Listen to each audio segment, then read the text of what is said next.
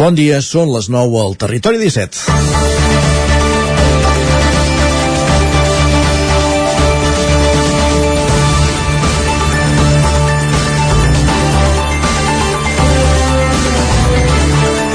El català té avui mig milió de parlants menys que el 2005 o 8 de cada 10 catalanoparlants canvien de llengua quan els parlen en castellà. Són només dos titulars dels diaris d'avui a partir de la presentació de l'informe CAT que presentava ahir, valgui la redundància, la plataforma per la llengua. Cert és que cada dia som testimonis de com es degrada la llengua i no només això, també es detecta a les xarxes socials al carrer més agressivitat per part dels castellanoparlants contra els qui es dirigeixen en català a un grup on hi ha parlants d'altres llengües. Segur que la militància lingüística és un actiu que no podem perdre, però amb això sol no revertirem el retrocés lingüístic del català. És evident que la inclusió de la llengua a la llei audiovisual per exigir la seva presència a les plataformes és més que important, però també ho és que entre tots treballem per un patrimoni que una part important de la població més jove ja no veu necessari. Els més grans sovint no hi ajudem i entre aquests més grans hi ha qui tenim més responsabilitats que d'altres. Periodistes, presentadors de televisió, locutors de ràdio, mestres... No podem deixar perdre riqueses i trets diferencials com la manera de dir les hores, utilitzar bé els sons vocàlics i no dir Sitges o Meridiana, per no parlar del, del desdoblatge entre el 2 i el 2, que s'ha fet tota la vida en català i en ple, i en ple debat sobre desdoblaments l'hem convertit en una sola paraula. A més, de, no, també podem parlar, evidentment, de fer un bon ús dels pronoms febles. Que és difícil, com tot. En aquest cas és qüestió de voluntat per fer-ho bé. Però si ja no ho transmetem amb entusiasme, el receptor, el més jove, es quedarà amb que és avorrit i arribarà la selectivitat i el català tornarà a ser aquella rèmora i l'examen més difícil. Al cap i a la fi, els més grans, aquells que de vegades ens semblen caducs, aquesta prova la van superar bé i amb molta més nota que nosaltres. Benvinguts al Territori 17, a la sintonia de Ràdio Cardedeu, la veu de Sant Joan, Ona Codinenca, Ràdio Vic, el 9 FM i el 9 TV. Territori 17, amb Isaac Moreno i Jordi Sunyer.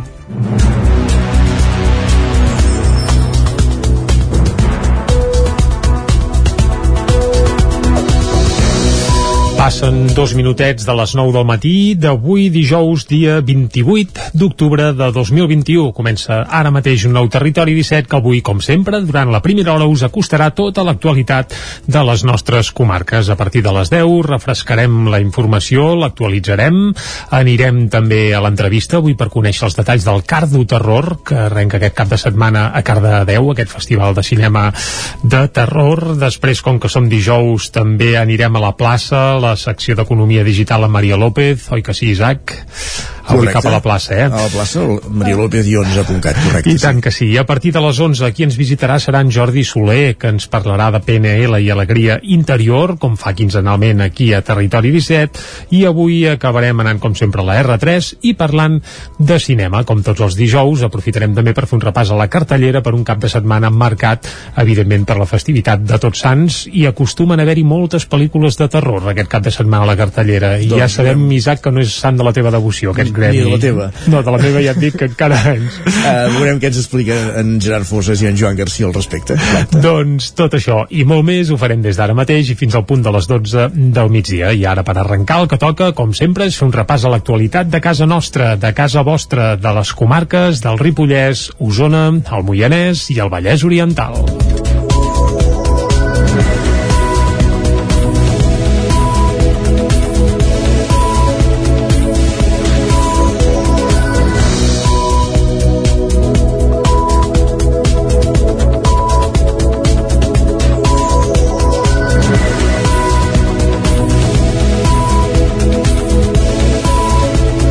L'Ajuntament de Llinars del Vallès ha començat els tràmits per poder rellevar el més aviat possible els policies detinguts que estan pendents de passar a disposició judicial. L'operació a Llinars del Vallès contra el tràfic de marihuana i la corrupció policial d'aquest dimarts continua oberta. Mentre els detinguts estan a l'espera de passar a disposició judicial, a més, es van coneixent nous detalls i un dels detinguts, un caporal de la policia local de Llinars del Vallès, agafa protagonisme, perquè sembla que el caporal, que va estar implicat al tiroteig l'any 2019, portava la veu cantant entre els policies locals detinguts. La hipòtesi principal és que per aquest caporal hi passaven tots els que pretenien tenir plantacions de marihuana a Llinars del Vallès. L'Ajuntament de Llinars, amb l'alcalde al capdavant, ha dit que sí que havia sentit rumors, però que sense cap prova legal no podia apartar a cap dels policies, ja que són funcionaris i fins ara només havien sigut això, rumors. El major trapero dels Mossos d'Esquadra també ha confirmat que fa setmanes que Catalunya s'està convertint en una zona expansiva de cultiu de marihuana, una dada que comença a ser preocupant quan els que s'hi dediquen estan corrompent, a més a més, a policies, com ha passat a Llinars del Vallès. Manlleu apuja l'IBI i la taxa de les deixalles en les ordenances fiscals de l'any que ve. Aquest dimarts es van aprovar al ple municipal amb els vots de l'equip de govern i del regidor no escrit i en bona part de les ordenances també de la CUP, que tot i així es va abstenir a la taxa de recollida de deixalles. El PSC, en canvi, va votar en contra tant de l'IBI com de les deixalles. El ple de l'Ajuntament de Manlleu aprovava aquest dimarts les noves ordenances fiscals amb increments de l'IBI i la recollida de residus. L'IBI pujarà un 4,86% amb un increment de mitjana en el rebut d'uns 20 euros. En el cas de les deixalles, la quota general passarà dels 135 als 142 euros i la taxa queda com estava per al sector comercial i industrial. Les ordenances van tirar endavant amb la majoria absoluta de l'equip de govern i el suport del regidor no adscrit, Francisco Zambrana. El vot de la CUP va ser favorable en la, majoria, en la majoria de casos, però es van abstenir en la taxa de recollida de residus. El PSC, molt crític amb el govern d'Esquerra i Junts, va votar en contra dels increments de l'IBI i també de les deixalles.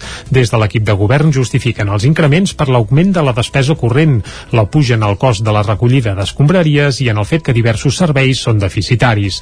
Escoltem per aquest ordre a Mayra Costa, de la CUP, Antoni Poyato, del PSC, i Àlex Garrido, alcalde de Manlleu. Compartim que Manlleu necessita més ingressos per poder oferir i sostenir els serveis de qualitat i amb el màxim de cobertura i per tant lògicament és, és uh, una manera és incrementar la recaptació però no és l'única, també cal uh, millorar la gestió per donar suport a la reactivació econòmica i per ajudar a la superació a la situació actual que sembla que vostès desconeguin entenem que el més raonable seria no augmentar la pressió fiscal a les activitats econòmiques i a la ciutadania una mica en compte quan diem que el, el govern eh, municipal eh, no té eh, sensibilitat per la situació eh, econòmica actual perquè la té i ho ha demostrat. El ple de l'Ajuntament de Manlleu també va aprovar una modificació puntual del planejament urbanístic per disposar d'un terreny al Parc del Torrent Magí, proper a l'actual centre d'atenció primària, i cedir-lo a CatSalut perquè s'hi construeixi un nou CAP. Aquest nou equipament tindria 1.800 metres quadrats i, segons l'equip de govern, donaria una resposta adequada a les necessitats del municipi. El PSC també es va, es va abstenir en aquesta votació. L'Ajuntament de Ripoll tomba la proposta de la CUP per instar la Generalitat a fer una consulta sobre els Jocs Olímpics d'hivern al territori. Isaac Muntades, des de la veu de Sant Joan. Junts per Ripoll i el PSC van tombar la moció de l'alternativa per Ripoll CUP que instava la Generalitat de Catalunya a fer un referèndum a les vuit comarques de muntanya afectades per la candidatura dels Jocs Olímpics d'hivern de l'any 2030 i en cas contrari que es retirés. Esquerra Republicana i la regidora no escrita Sílvia Oriols es van abstenir. La regidora copaire Rebeca Galavís va afirmar que aquests jocs no han estat mai una demanda del territori i que van néixer als despatxos de Barcelona l'any 2010 quan el socialista Jordi Areu n'era l'alcalde. Els motius per oposar-s'hi eren dos dos. El primer és el context d'emergència climàtica, ja que els copaires asseguraven que els informes preveien que el Pirineu no tingués neu d'aquí una dècada i que s'haurien de fer inversions milionàries per sostenir les estacions d'esquí, que segons Galavís ara ja són deficitàries. El segon argument girava entorn del model socioeconòmic basat en el monocultiu turístic i que deia que només aportava misèria. Precarietat laboral, temporalitat laboral, rendes baixes, dificultat per accedir a l'habitatge per l'elevat preu del lloguer dels pisos i la impossibilitat de que els nostres joves tornin als seus municipis d'origen marxen perquè no tenen llocs de feina qualificats on desenvolupar el seu projecte de vida. Parlem d'un èxode rural. Galavís apuntava que els jocs només beneficiaven a molt poques persones i que la majoria d'elles no vivien al Pirineu. El regidor d'Esports, Josep Isern, va recordar que la consellera de Vicepresidència, Laura Vilagrà, ja va dir que es faria una consulta al territori i el regidor de Sostenibilitat, Joaquim Colomer, va dir-li que semblava Nostradamus per fer prediccions tan exagerades i que el turisme i el sector serveis eren capdals pel Ripollès, i no només per la part de les estacions d'esquí. A més, va criticar la postura general de la CUP els senyors de la CUP ja ens tenen habituats a que són els senyors del no. No als Jocs Olímpics, no al turisme, no als polígons, no al Bay Park, no a l'empresa, i després diuen que volen arrelament al territori i que la gent torni al territori. A què volen que treballin, senyors? El portaveu republicà Roger Bosch va argumentar que no podien votar en contra d'un procés participatiu, però va veure algunes incoherències en el discurs dels copaires, sobretot pel fet de tenir feina pels joves, però no aprofitar aquests projectes que generen llocs de treball. De fet, hi havia d'altres companys que el representaven en, en, en anteriors mandats que ells defensaven aquesta primera part com vostès, però propers deien és que jo vull un model de Ripoll pues, amb 6, 7.000 persones, amb menys població i per tant aquí sí que hi veia una coherència no? de dir no volem aquest creixement, no volem aquestes iniciatives perquè el que volem doncs, és un Ripoll doncs, més petit, més rural i per tant en el qual aquestes activitats hi tenen encaix. L'edil socialista Enric Pérez, com també ho va fer Bosch, va assegurar que aquesta candidatura es basarà en la sostenibilitat o no es farà i que no caldria gairebé cap inversió. De fet, deia que ajudarà a millorar el territori. Però aquesta candidatura, de ben segur que seria un ben a favor per la millora de les connexions ferroviàries de la comarca, o seria un ben a favor per la millora de les telecomunicacions al Pirineu, o seria un ben a favor per la millora de la connectivitat entre les comarques del Pirineu. Junts, Esquerra i el PSC van coincidir en que sí que s'havien fet reunions amb representants del territori per explicar-los el projecte a diferència del que deia Galavís, a més de dir que molts dels llocs de feina de les estacions d'esquí són per persones amb titulacions. L'Adil Copaire va acabar dient que el turisme al Pirineu i l'Aran representa un 25% del PIB i la mitjana de Catalunya és de l'11%, i en canvi la renda anual és més baixa en aquests municipis. El projecte de millora del tram de la C-59 entre Sant Feliu i de Codines i Mollà torna a augmentar de pressupost i arriba als 5,6 milions d'euros. Jordi Givert, des d'Ona Codinenca. L'estat de la carretera i la inflació han provocat un segon augment del pressupost a les obres de millora de la C-59. En un principi, el Departament de Mobilitat i Infraestructures havien previst una inversió de 1,5 milions d'euros. A l'estiu ja el van augmentar fins al 3,5 milions i ara les acaballes de la redacció del projecte han arribat a augmentar un pressupost fins als 5,6 milions d'euros. Així ho han traslladat des de la Generalitat a la última reunió feta amb la gent de la plataforma C59 Segura. Jordi Tarradellas és el portaveu de l'associació. Uh, però en qualsevol cas és una valoració positiva que es destinin més diners. També entenem que és uh, fruit de l'anàlisi de, de la pròpia carretera, on, on nosaltres estem insistint des del primer dia que fa falta una inversió molt notable, perquè diguem, la falta d'inversió ha sigut sostinguda durant molts anys per tant, eh, la, la que s'ha per posar-lo al dia cal, caldrà una inversió més enllà eh, fins i tot d'aquests 5 milions que, que fins ara estan, estan assignats. Les millores projectades preveuen canviar la major part del ferm de la carretera, millorar amb rotondes o carrils d'acceleració els accessos als polígons industrials de Mollà i Castellterçol i fer actuacions per frenar el pas de la fauna per la via. Tot i així, encara hi haurà trams perillosos que no desapareixeran. Cruïlles on hi ha hagut accidents, eh, ponts estrets on, on s'han encallat vehicles perquè no té prou amplada, com poden ser el pont de la depuradora de Mollà, o com deia abans, la, el creuament de, de Sant Feliu de Codines, no tenen cap actuació tampoc. O sigui, els dos punts crítics, eh, els punts estrets i l'amplada en general de la carretera, no tenen intervencions eh, previstes, almenys ara, en, en aquest projecte. Uh -huh. Una altra de les demandes principals de la plataforma i del territori és millorar els trams entre Mollà i l'eix transversal o la variant de Sant Feliu de Codines que agilitzaria la ruta entre Moianès i l'àrea metropolitana de Barcelona i que actualment no són zones on s'intervindrà. El Carnaval de Torelló anuncia el retorn al 2022 per la Porta Gran, diuen. El Procicat considera que si els indicadors actuals de la pandèmia no varien, la festa torellonenca podrà recuperar en gran part la normalitat. Després de la suspensió de l'edició d'aquest 2021, el Carnaval de Torelló del 2022 hauria de ser el del retorn a la normalitat. L'Associació Carnaval de Terra Endins, el col·lectiu Pollasso, Deixebles de Sant Feliu i l'Ajuntament de Torelló feien públic aquest dimarts al vespre que treballen amb la perspectiva de poder celebrar una festa de la disbauxa amb poques restriccions entre el 24 de febrer i el 2 de març de l'any vinent. El Procicat, l'organisme de la Generalitat encarregat de gestionar els plans sectorials de la pandèmia, considera que el Carnaval és viable, si no va enrere en els indicadors de la Covid-19 i després que s'hagin derogat les restriccions en l'àmbit cultural. Això sí, les disfresses molt probablement hauran d'incorporar mascareta. Marçal Ortuño és l'alcalde de Torelló. Actualment els requisits del Procicat per actes culturals són sense control d'aforament i només amb el requisit de, de la mascareta. Per tant, aquesta seria l'única condició que tindria el Carnaval de 2022, que seria doncs, amb, amb tothom amb mascareta. Però amb un Carnaval ja eh, com ha estat sempre a Torelló, un carnaval participatiu i amb els carrers plens de, plens de gent. Les entitats implicades en l'organització del Carnaval, l'Ajuntament i les colles carrossaires, havien fet una primera reunió el mes de setembre per començar a pensar en la festa i en el seu format. L'alcalde reconeix que la perspectiva, la perspectiva que ha obert el Procicat supera les expectatives que hi havia i que el marge de temps de preparació serà més reduït de l'habitual. Marçal Ortuño no hi ha tant temps com altres anys perquè tot Clar. aquest temps que s'ha estat pensant que potser no es podria fer i a l'expectativa doncs eh, és un temps que, que, que no s'hi ha treballat.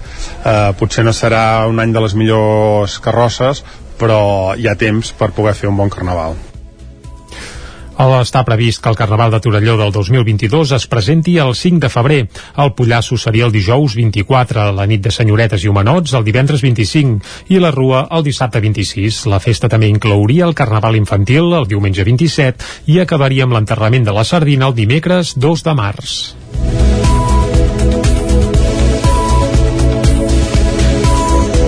Acabem aquí aquest repàs informatiu que hem fet des de les 9 en companyia de Núria Lastra, Jordi Givert, Isaac Muntades i Jordi Sunyer. Tot seguit la previsió meteorològica. I aquesta ens la costa cada dia en Pep Acosta.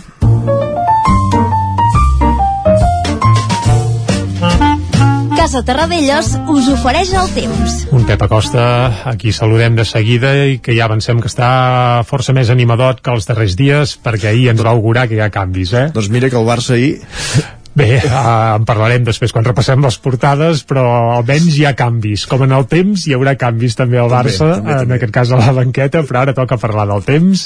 Uh, Pep, molt bon dia.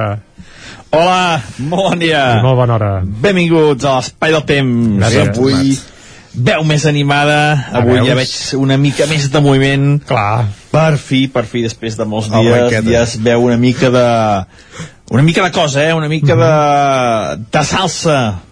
I què, pas, què està passant? Què està passant? Aviam, digues. Uh, primera cosa, uh, bueno, diré unes quantes, eh? Primer, diré unes quantes. Primera cosa, tenim una importantíssima pertorbació a prop d'Itàlia, uh, concretament a l'illa Sicília. Ah, que lluny. Uh, atenció, perquè pot portar tempestes molt fortes aquesta tarda cap a la Sicília, al nord d'Algèria. Atenció en aquesta zona, uh, si algú hi ha de viatjar-hi, si algú hi té algun parent, algun amic, algun conegut, uh, precaució, perquè hi pot haver una autèntica uh, pertorbació molt important. Segona, segona informació, uh, tenim una pertorbació atlàntica, un front atlàntic que està entrant per la península ibèrica, ja està provocant perturbacions, eh, perdó, precipitacions cap a Portugal, cap a Galícia, i mica en mica es van dinsant eh, per la península ibèrica. Eh, feia molt de temps que no teníem una perturbació d'aquest estil, eh, un front d'aquest estil que entés per la península ibèrica. Per fi, per fi, per fi, per fi, ja el tenim eh, aquí. I tercera, tercera observació Tercera. eh, d'aquest matí, aquest front atlàntic el que està provocant és una mica de, de vents allevantats a casa nostra, eh, vents prefrontals allevantats, i estan provocant pertorbacions, estan provocant precipitacions cap a, cap a l'Ebre, cap al sud de Catalunya i també cap a la Costa Brava. Mm, per fi, per fi, hi ha precipitacions en alguna zona, per fi està canviant una mica eh, tots els moviments, per fi es mouen les peces després de poder tres setmanes amb anticicló i amb un estancament meteorològic molt important. Aquest matí, núvols, en, en principi sense precipitacions, però a la tarda tenim aire fred en altura, eh, això també és una novetat, tenim més aire fred, i això farà que els nuvolars creixen més força, sobretot cap a les Guilleries i cap a la zona del Montseny. Aquí poden provocar alguna precipitació, alguna tempesta. En principi, tempestes febles, entre el 0,5 com a molt 10 litres, però bueno, seria també molt bona notícia que aquesta zona plovés d'una vegada. Les comarques que sembla que plourà més és cap al Moianès i cap a Osona. Veurem què acaba passant, perquè són tempestes eh, difícils de predir i a veure si es produeixen, eh? Hi ha possibilitat, no és segur, que es produeixin. Les temperatures màximes seran molt semblants a les d'ahir, la majoria de l'hors entre els 18 i els 23 graus.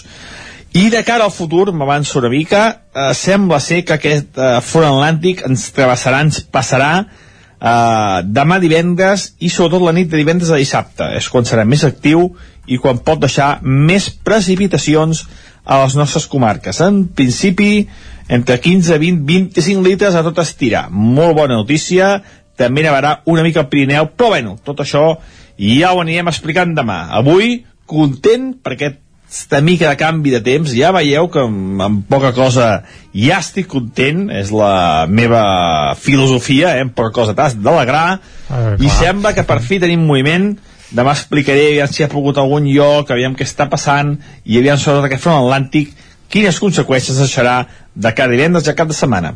Moltes gràcies, adeu. Doncs esperem a demà. I tant. Com evoluciona tot plegat.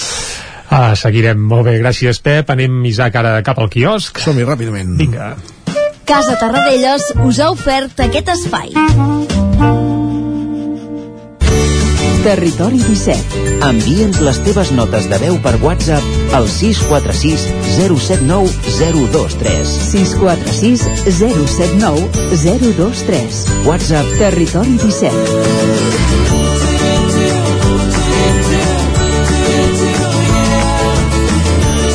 Territori 17. Som a Facebook, Twitter i Instagram amb l'usuari Territori 17.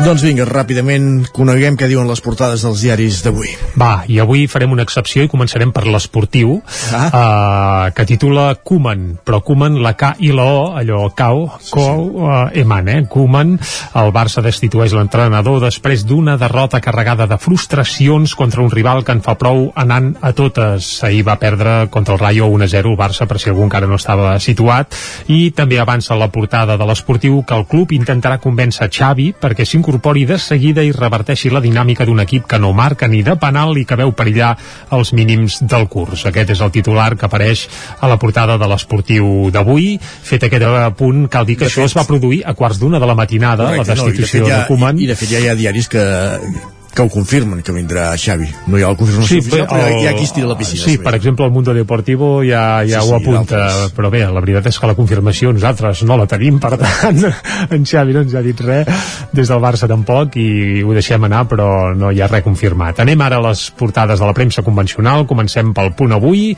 detenció i querella, aquest és el principal titular del punt avui, Josep Costa es querellarà contra la magistrada del Tribunal Superior de Justícia que l'ha fet detenir, i és que ahir en Pep Costa, pels amics, en Josep Costa, el- l'ex vicepresident primer del Parlament, doncs quan sortia de casa seva per anar a la universitat, el van detenir els Mossos d'Esquadra, se'l van endur cap al Tribunal Superior de Justícia de Catalunya i va estar a prop de 5 hores eh, retingut, bé, detingut.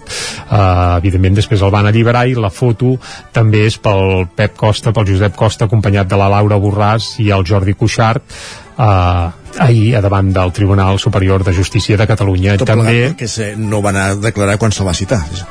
La detenció va ser per aquest motiu. Sí, evidentment, tot i que... Bé, podríem entrar en molts detalls, però no, no cal que li, ni limitem-nos amb el titular. El punt avui també apareix que 8 de cada 10 catalans canvien de llengua quan els parlen en castellà. Una cosa que ja és denunciat a l'editorial i a la denúncia ens hi afegim i encomanem i animem a la gent a no fer-ho. Com si, escolta, algú no tingués dret a, a- entendre el català pel simple fet que sembli que no sigui català d'origen, no? Correcte. eh, no deixa de ser una manera de discriminar parlar en castellà a, a la gent. Per tant, ens hauríem de replantejar tot plegat. Anem a l'ara, va. La justícia europea multa Polònia amb un milió d'euros al dia. Aquest és el titular principal que apareix a la portada de l'ara. La fotografia és pel túnel de sortida de les Glòries, en aquest cas a Barcelona, que es veu que ja està eh, a punt. Això apareix a la portada de l'ara. Anem cap a l'avantguàrdia. PSOE i Unides Podem resolen el seu pols de la reforma laboral sense pactar, sense pactar encara el contingut. Per tant, no sé què han resolt, però vaja, això és el que apareix a la portada de l'avantguàrdia. La fotografia és per Portugal, que diu Portugal eh, se'n va cap a les eleccions anticipades. Sembla que també hi ha crisi al govern de Portugal. Al periòdico, el 40% de les dones prenen anticonceptius sense control mèdic. Aquest és el titular eh, principal del periòdico d'avui avui, on també a la fotografia apareix eh, una imatge davant la catedral de Barcelona, làpides per 68 sense sostres. Eh, L'entitat Arrels recorda les històries de la gent que ha mort als carrers de Barcelona l'any 2020, concretament 68 sense sostres van morir durant tot l'any passat, eh, en aquest cas a Barcelona. Uh -huh. Anem a les portades que s'editen des de Madrid. El batxillerat, comencem pel país, el batxillerat es podrà cursar en 3 anys i incorporarà 7 noves matèries. Aquest és el titular principal. També Pedro Sánchez agafa les regnes del diàleg sobre la reforma laboral i la fotografia no té res a veure amb això, sinó que és per el, el, el bueno, bàsicament per la Palma, on continua traient lava al volcà i continua causant estralls, afortunadament per això eh, sense danys pel que fa a personals, a víctimes, etc. ABC, va, l'ABC és molt divertit. El segon estat d'alarma també va ser inconstitucional i atenció, eh, per l'autoritarisme de Sánchez és a dir, que el segon estat d'alarma també va ser inconstitucional, ho van dir ahir els tribunals, sí, sí. però segons l'ABC va ser per l'autoritarisme de Sánchez. El que no va ser inconstitucional va ser la presència de tots aquell regiment de militars a darrere cada compareixença. En fi, eh, no, només faltaria.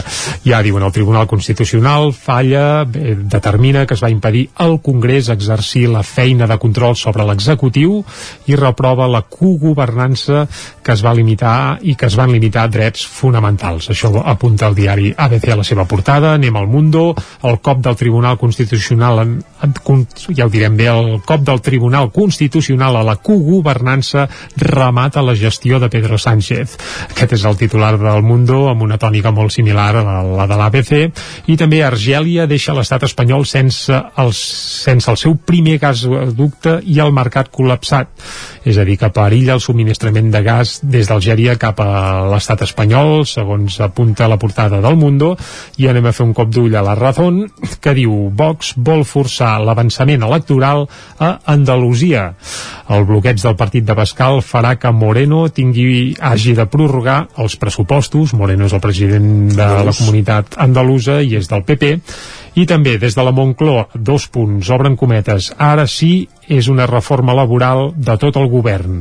Tanquem cometes. Això és el que es diu des de la Moncloa, segons diu la Razón a la portada.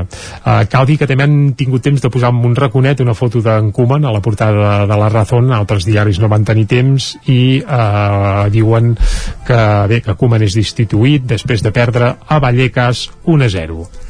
Perfecte, doncs fet aquest repàs, fem una pausa, tornem d'aquí 3 minuts amb més actualitat al territori 17. Fins ara mateix. La ràdio de casa al 92.8. El 9 FM. Això és el que s'escolta al voltant d'una caldera saunia d'Oval tranquil·litat i benestar, perquè gaudeix del millor manteniment del servei tècnic oficial per estar despreocupat.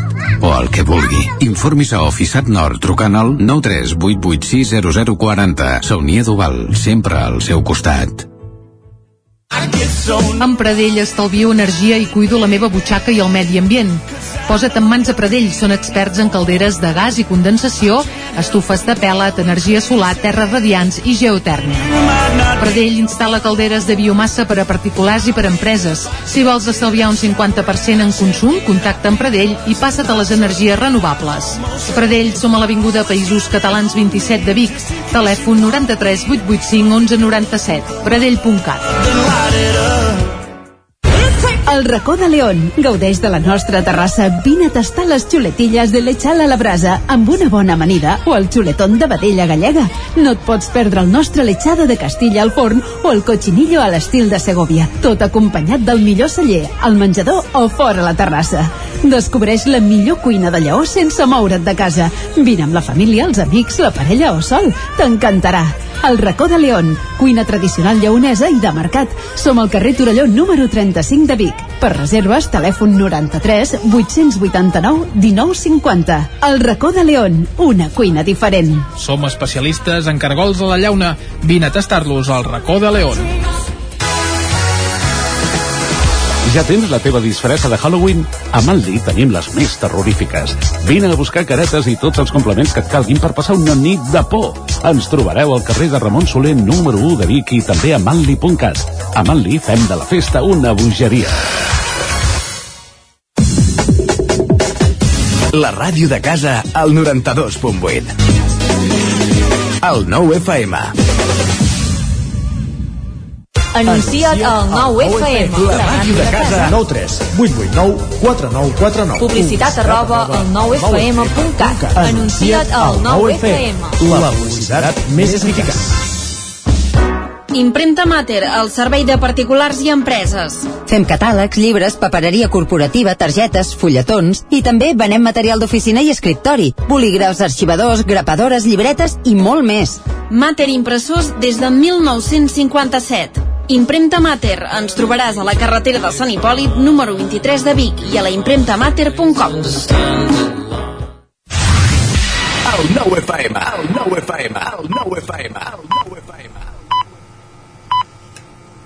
Dos quarts de deu. Territori 17, amb Isaac Moreno i Jordi Sunyer.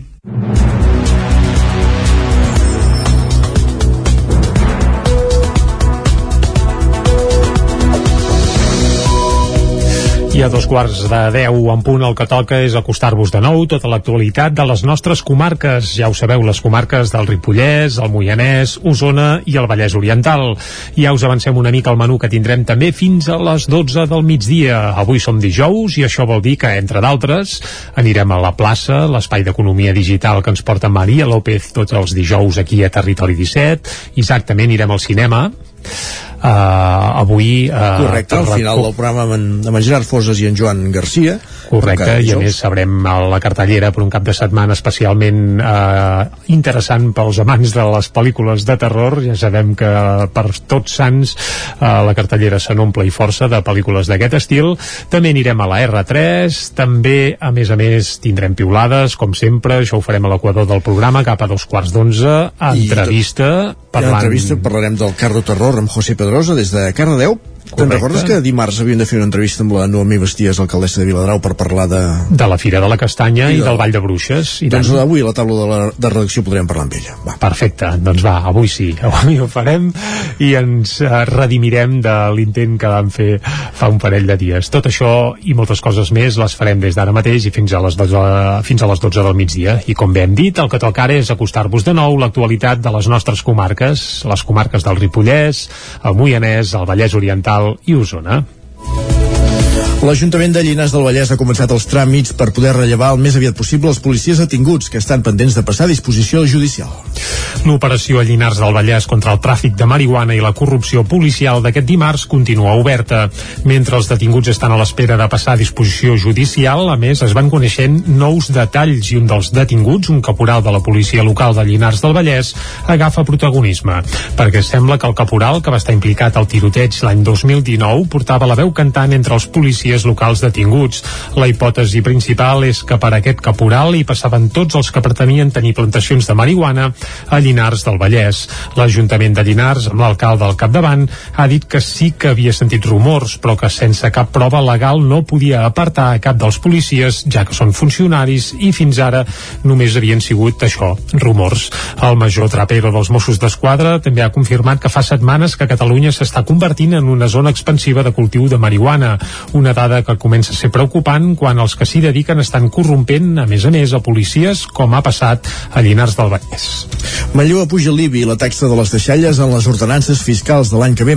Aquest dimarts es van aprovar al ple municipal amb els vots de l'equip de govern i del regidor no escrit i en bona part de les ordenances també de la CUP, que tot i així es va abstenir a la taxa de recollida de deixalles. El PSC, en canvi, va votar en contra tant de l'IBI com de les deixalles. El ple de l'Ajuntament de Manlleu aprovava aquest dimarts les noves ordenances fiscals amb increments de l'IBI i la recollida de residus. L'IBI pujarà un 4,86% amb un increment de mitjana en el rebut d'uns 20 euros. En el cas de les deixalles, la quota general passarà dels 135 als 142 euros i la taxa queda com estava per al sector comercial i industrial. Les ordenances van tirar endavant amb la majoria absoluta de l'equip de govern i el suport del regidor no adscrit, Francisco Zambrana. El vot de la CUP va ser favorable en la, majoria, en la majoria de casos, però es van abstenir en la taxa de recollida de residus. El PSC, molt crític amb el govern d'Esquerra i Junts, va votar en contra dels increments de l'IBI i també de les deixalles. Des de l'equip de govern justifiquen els increments per l'augment de la despesa corrent, la puja en el cost de la recollida d'escombraries i en el fet que diversos serveis són deficitaris. Escoltem per aquest ordre a Mayra Costa, de la CUP, Antoni Poyato, del PSC, i Àlex Garrido, alcalde de Manlleu. Compartim que Manlleu necessita més ingressos per poder oferir sostenir els serveis de qualitat i amb el màxim de cobertura i per tant lògicament és, és uh, una manera d'incrementar la recaptació però no és l'única, també cal uh, millorar la gestió per donar suport a la reactivació econòmica i per ajudar a la superació a la situació actual que sembla que vostès desconeguin, entenem que el més raonable seria no augmentar la pressió fiscal a les activitats econòmiques i a la ciutadania. Una mica en compte quan diem que el, el govern eh, municipal eh, no té eh, sensibilitat per la situació eh, econòmica actual perquè la té i ho ha demostrat. El ple de l'Ajuntament de Manlleu també va aprovar una modificació puntual del planejament urbanístic per disposar d'un terreny al Parc del Torrent Magí, proper a l'actual centre d'atenció primària, i cedir-lo a Cat Salut perquè s'hi construeixi un nou CAP. Aquest nou equipament tindria 1.800 metres quadrats i, segons l'equip de govern, donaria una resposta adequada a les necessitats del municipi. El PSC també es va, es va abstenir en aquesta votació. L'Ajuntament de Ripoll tomba la proposta de la CUP per instar la Generalitat a fer una consulta sobre els Jocs Olímpics d'hivern al territori. Isaac Muntades, des de la veu de Sant Joan. Junts per Ripoll i el PSC van tombar la moció de l'alternativa per Ripoll CUP que instava la Generalitat de Catalunya a fer un referèndum a les vuit comarques de muntanya afectades per la candidatura dels Jocs Olímpics d'hivern de l'any 2030 i en cas contrari que es retirés. Esquerra Republicana i la regidora no escrita Sílvia Oriols es van abstenir. La regidora copaire Rebeca Galavís va afirmar que aquests jocs no han estat mai una demanda del territori i que van néixer als despatxos de Barcelona l'any 2010 quan el socialista Jordi Areu era l'alcalde. Els motius per oposar-s'hi eren dos dos. El primer és el context d'emergència climàtica, ja que els copaires asseguraven que els informes preveien que el Pirineu no tingués neu d'aquí una dècada i que s'haurien de fer inversions milionàries per sostenir les estacions d'esquí, que segons Galavís ara ja són deficitàries. El segon argument girava entorn del model socioeconòmic basat en el monocultiu turístic i que deia que només aportava misèria. Precarietat laboral, temporalitat laboral, rendes baixes, dificultat per accedir a l'habitatge per l'elevat preu del lloguer dels pisos i la impossibilitat de que els nostres joves tornin als seus municipis d'origen origen perquè no tenen llocs de feina qualificats on desenvolupar el seu projecte de vida. Parlem d'un èxode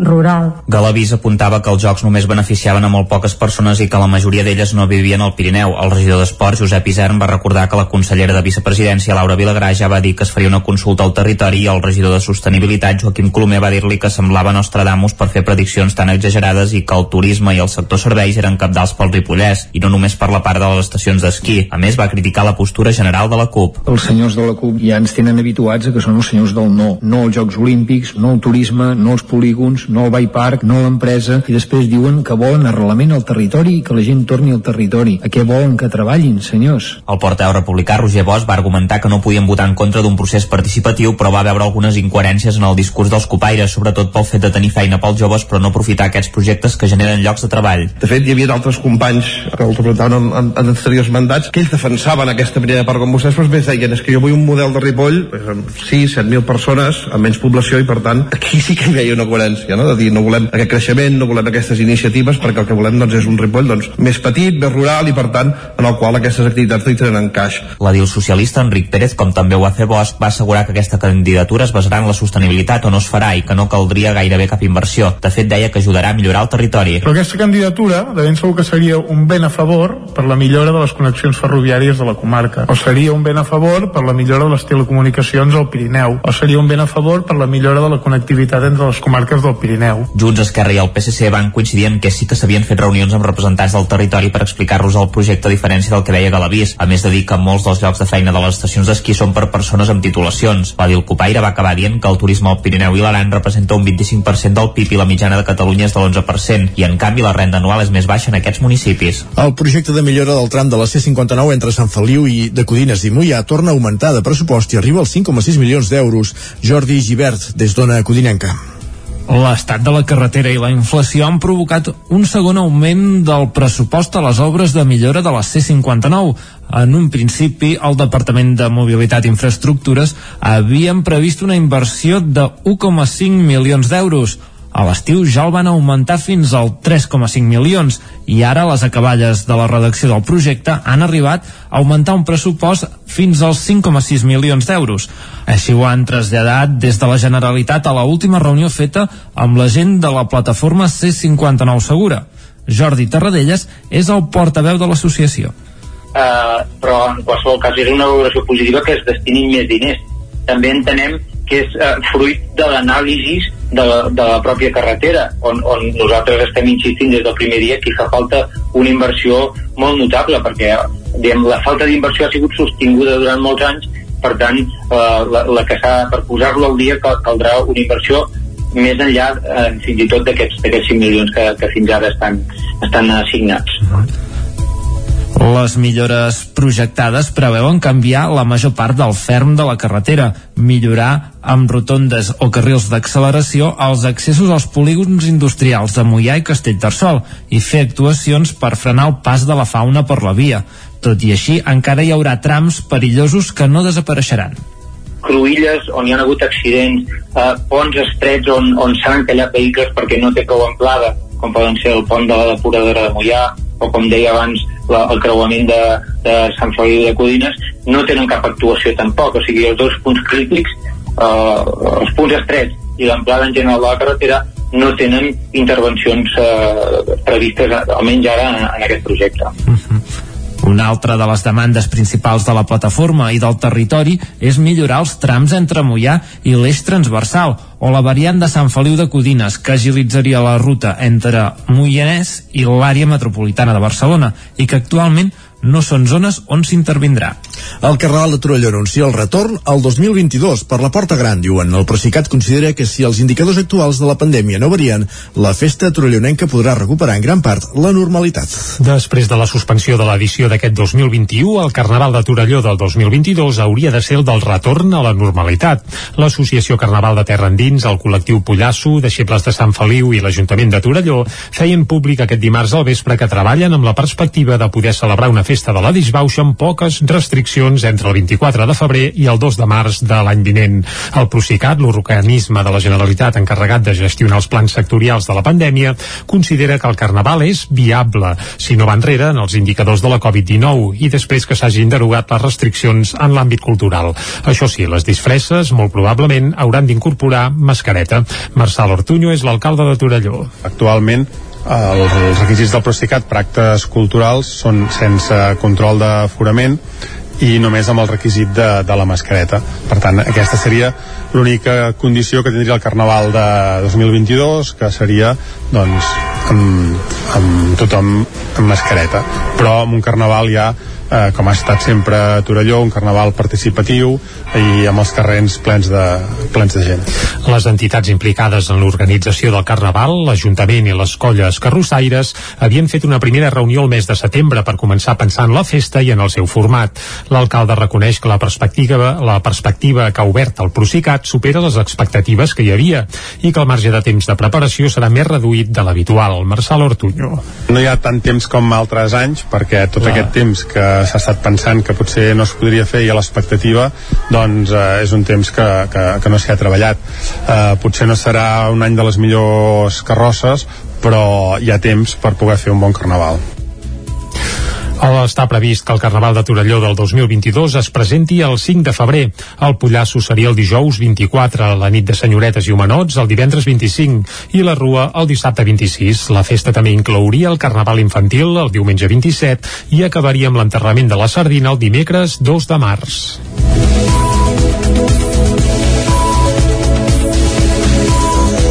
Acabem aquí aquest repàs informatiu que hem fet des de les 9 en companyia de Núria Lázaro, Jordi Givert, Isaac Muntades i Jordi Sunyer. Tot seguit la previsió meteorològica.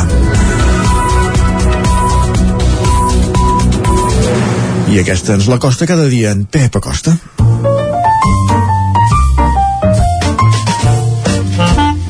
Casa Terradellos us ofereix el temps. Un Pep Acosta, aquí saludem de seguida i que ja avancem que està força més animadot que els darrers dies perquè ahir ens va augurar que hi ha canvis, eh? Doncs mira que el Barça ahir Bé, uh, en parlarem després quan repassem les portades, però almenys hi ha canvis. Com en el temps, hi haurà canvis també al Barça, també, també, també. en aquest cas a la banqueta, però ara toca parlar del temps. Uh, Pep, molt bon dia. Hola, molt bon dia. Molt bona hora. Benvinguts a l'Espai del Temps. Gràcies. Avui veu més animada, avui ja veig una mica més de moviment. Clar. Per fi, per fi, després de molts dies, aquesta. ja es veu una mica de... Una mica de cosa, eh? Una mica de, de salsa. I què, pas, què està passant? Què està passant? Aviam, digues. Uh, primera cosa, uh, bueno, diré unes quantes, eh? Primer, diré unes quantes. Primera cosa, tenim una importantíssima pertorbació a prop d'Itàlia, uh, concretament a l'illa Sicília. Ah, que lluny. Uh, atenció, perquè pot portar tempestes molt fortes aquesta tarda cap a la Sicília, al nord d'Algèria. Atenció en aquesta zona, uh, si algú hi ha de viatjar-hi, si algú hi té algun parent, algun amic, algun conegut, uh, precaució, perquè hi pot haver una autèntica uh, pertorbació molt important. Segona, segona informació, uh, tenim una pertorbació atlàntica, un front atlàntic que està entrant per la península ibèrica, ja està provocant perturbacions, eh, perdó, precipitacions cap a Portugal, cap a Galícia, i mica en mica es van dinsant eh, per la península ibèrica. Eh, feia molt de temps que no teníem una perturbació d'aquest estil, un front d'aquest estil que entrés per la península ibèrica. Per fi, per fi, per fi, per fi, i ja el tenim eh, aquí.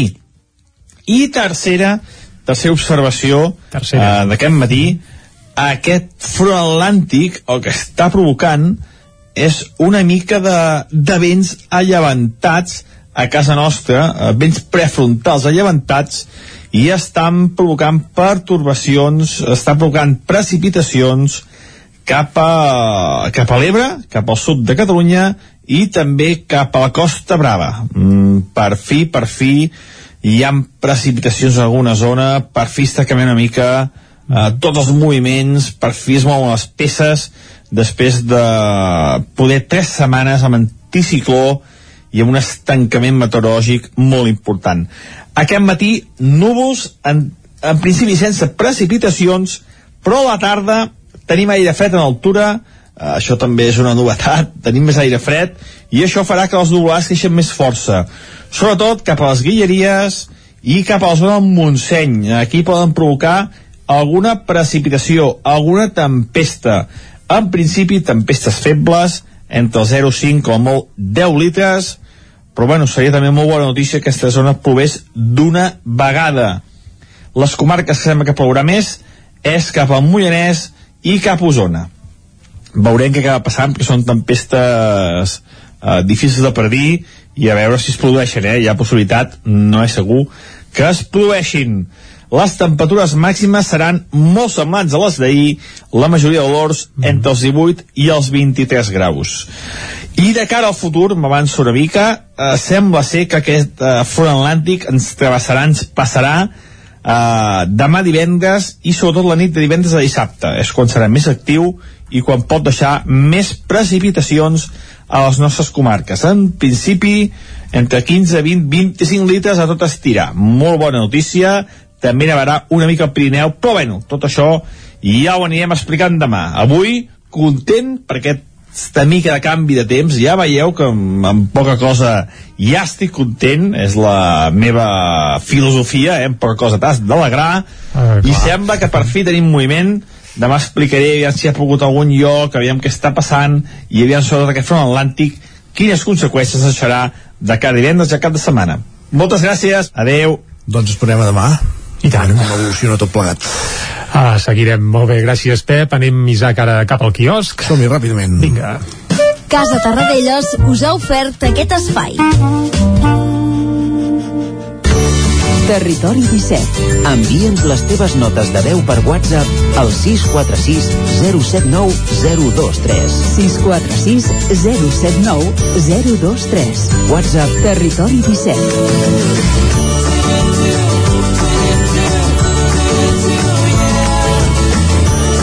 Territori 17. Som a Facebook, Twitter i Instagram amb l'usuari Territori 17.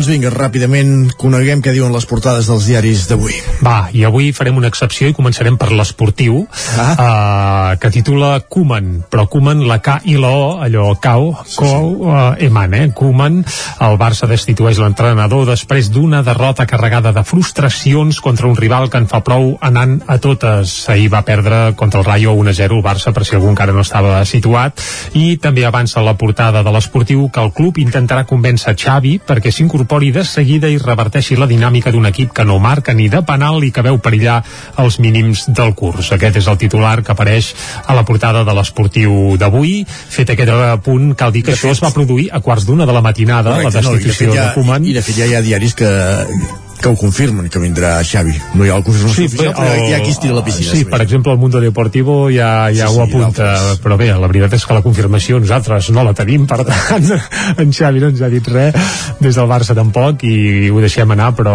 no hi ha res confirmat. Anem ara a les portades de la premsa convencional, comencem pel punt avui, detenció i querella, aquest és el principal titular del punt avui, Josep Costes querellarà contra la magistrada del Tribunal Superior de Justícia que l'ha fet detenir, i és que ahir en Pep Costa, pels amics, en Josep Costa, l'ex vicepresident primer del Parlament, doncs quan sortia de casa seva per anar a la universitat, el van detenir els Mossos d'Esquadra, se'l van endur cap al Tribunal Superior de Justícia de Catalunya i va estar a prop de 5 hores eh, retingut, bé, detingut. Eh, evidentment després el van alliberar i la foto també és pel Pep Costa, pel Josep Costa, acompanyat de la Laura Borràs i el Jordi Cuixart, eh, ahir a davant del Tribunal Superior de Justícia de Catalunya. Tot també que no van a declarar quan se'l va citar. La detenció va ser per aquest motiu. Sí, evidentment, tot i que bé, podríem entrar en molts detalls, però no, no cal que li, ni limitem-nos amb el titular. Al punt avui també apareix que 8 de cada 10 catalans canvien de llengua quan els parlen en castellà. Una cosa que ja és denunciat a l'editorial i a la denúncia ens hi afegim i encomanem i animem a la gent a no fer-ho. Com si, escolta, algú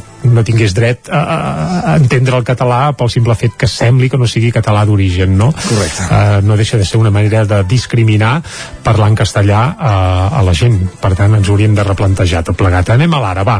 La justícia europea multa Polònia amb un milió d'euros al dia.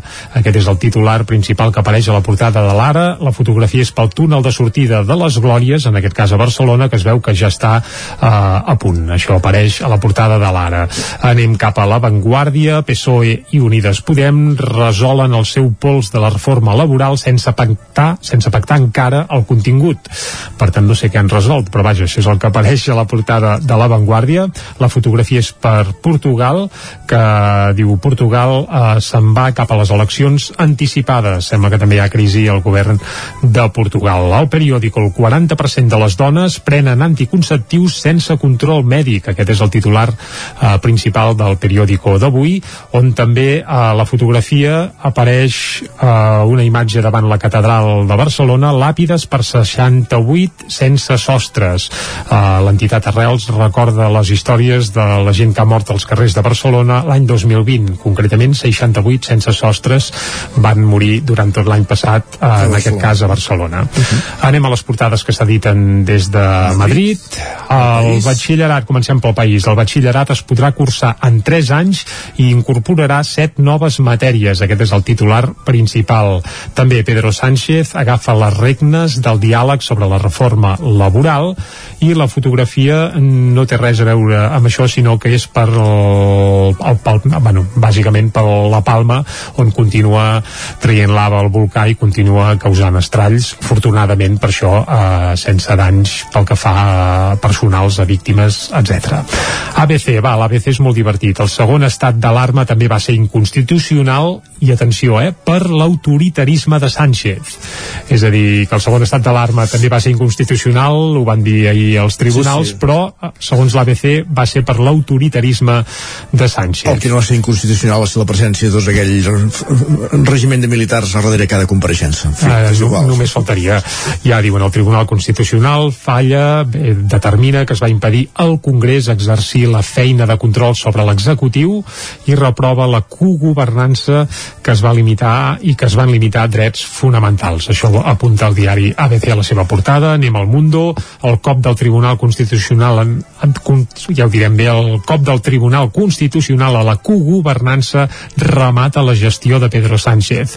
Aquest és el titular del Mundo amb una tònica molt similar a la de l'ABC i també Argèlia deixa l'estat espanyol sense el, sense el seu primer gasducte i el mercat col·lapsat. És a dir, que perilla el subministrament de gas des d'Algèria cap a l'estat espanyol, segons apunta la portada del Mundo, i anem a fer un cop d'ull a la Razón, que diu Vox vol forçar l'avançament electoral a Andalusia. El bloqueig del partit de Pascal farà que Moreno tingui, hagi de prorrogar els pressupostos. Moreno és el president de la comunitat andalusa i és del PP. I també des de la Moncloa, dos punts, obren cometes. Ara sí és una reforma laboral de tot el govern.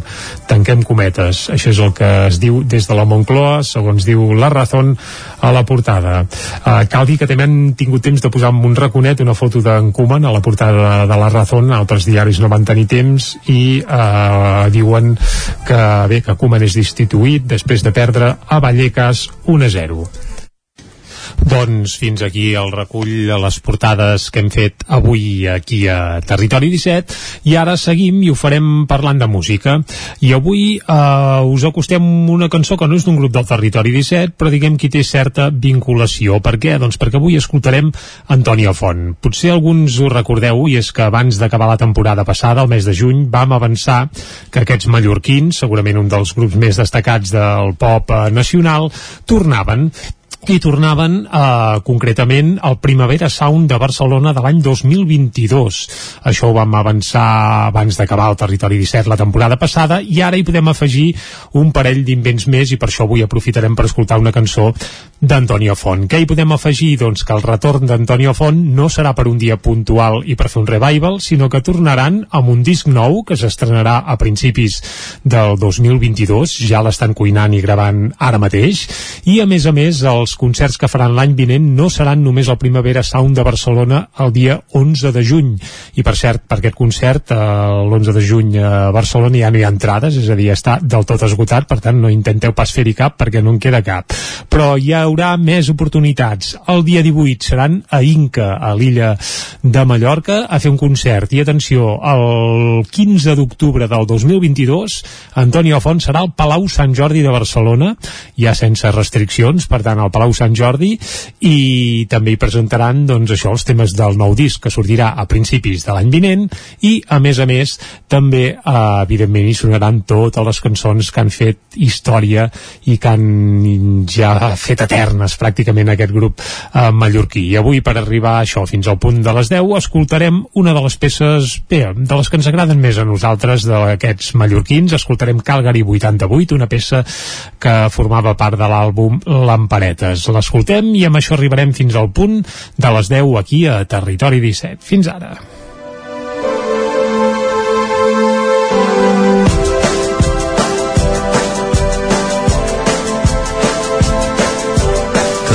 Classificats per ser final de patinatge artístic no tot era físic ni mental. També era sentimental. Tu i jo festejàvem i representàvem Espanya. A l'Olimpiada d'hivern del Canadà. Abans de sortir tu vares dir casaries amb jo. I vaig contestar avui mos casam si guanyem la medalla d'or. En sincronia i a màxima velocitat te'n vas a l'aire força increïble i a punt de caure tallat. De faça morta i jo vaig alerta feim una curva oberta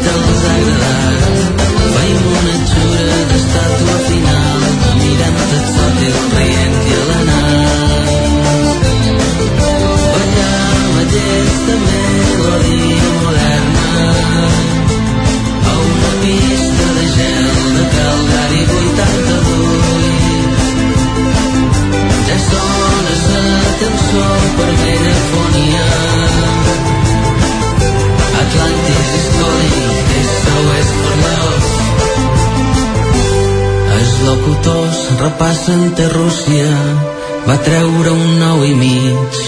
Els favorits eren suets i tenien just un 9,75 aixequen les taules i tots mos posen un 10 vens cap a jo m'abraces i plores i m'atropitges un peu.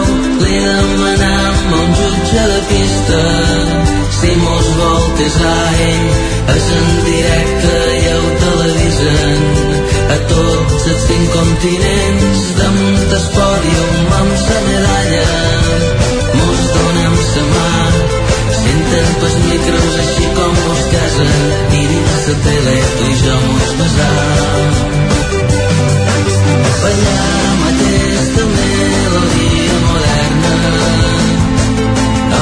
pista de gel de Calgari 88 ja sona sa cançó per megafonia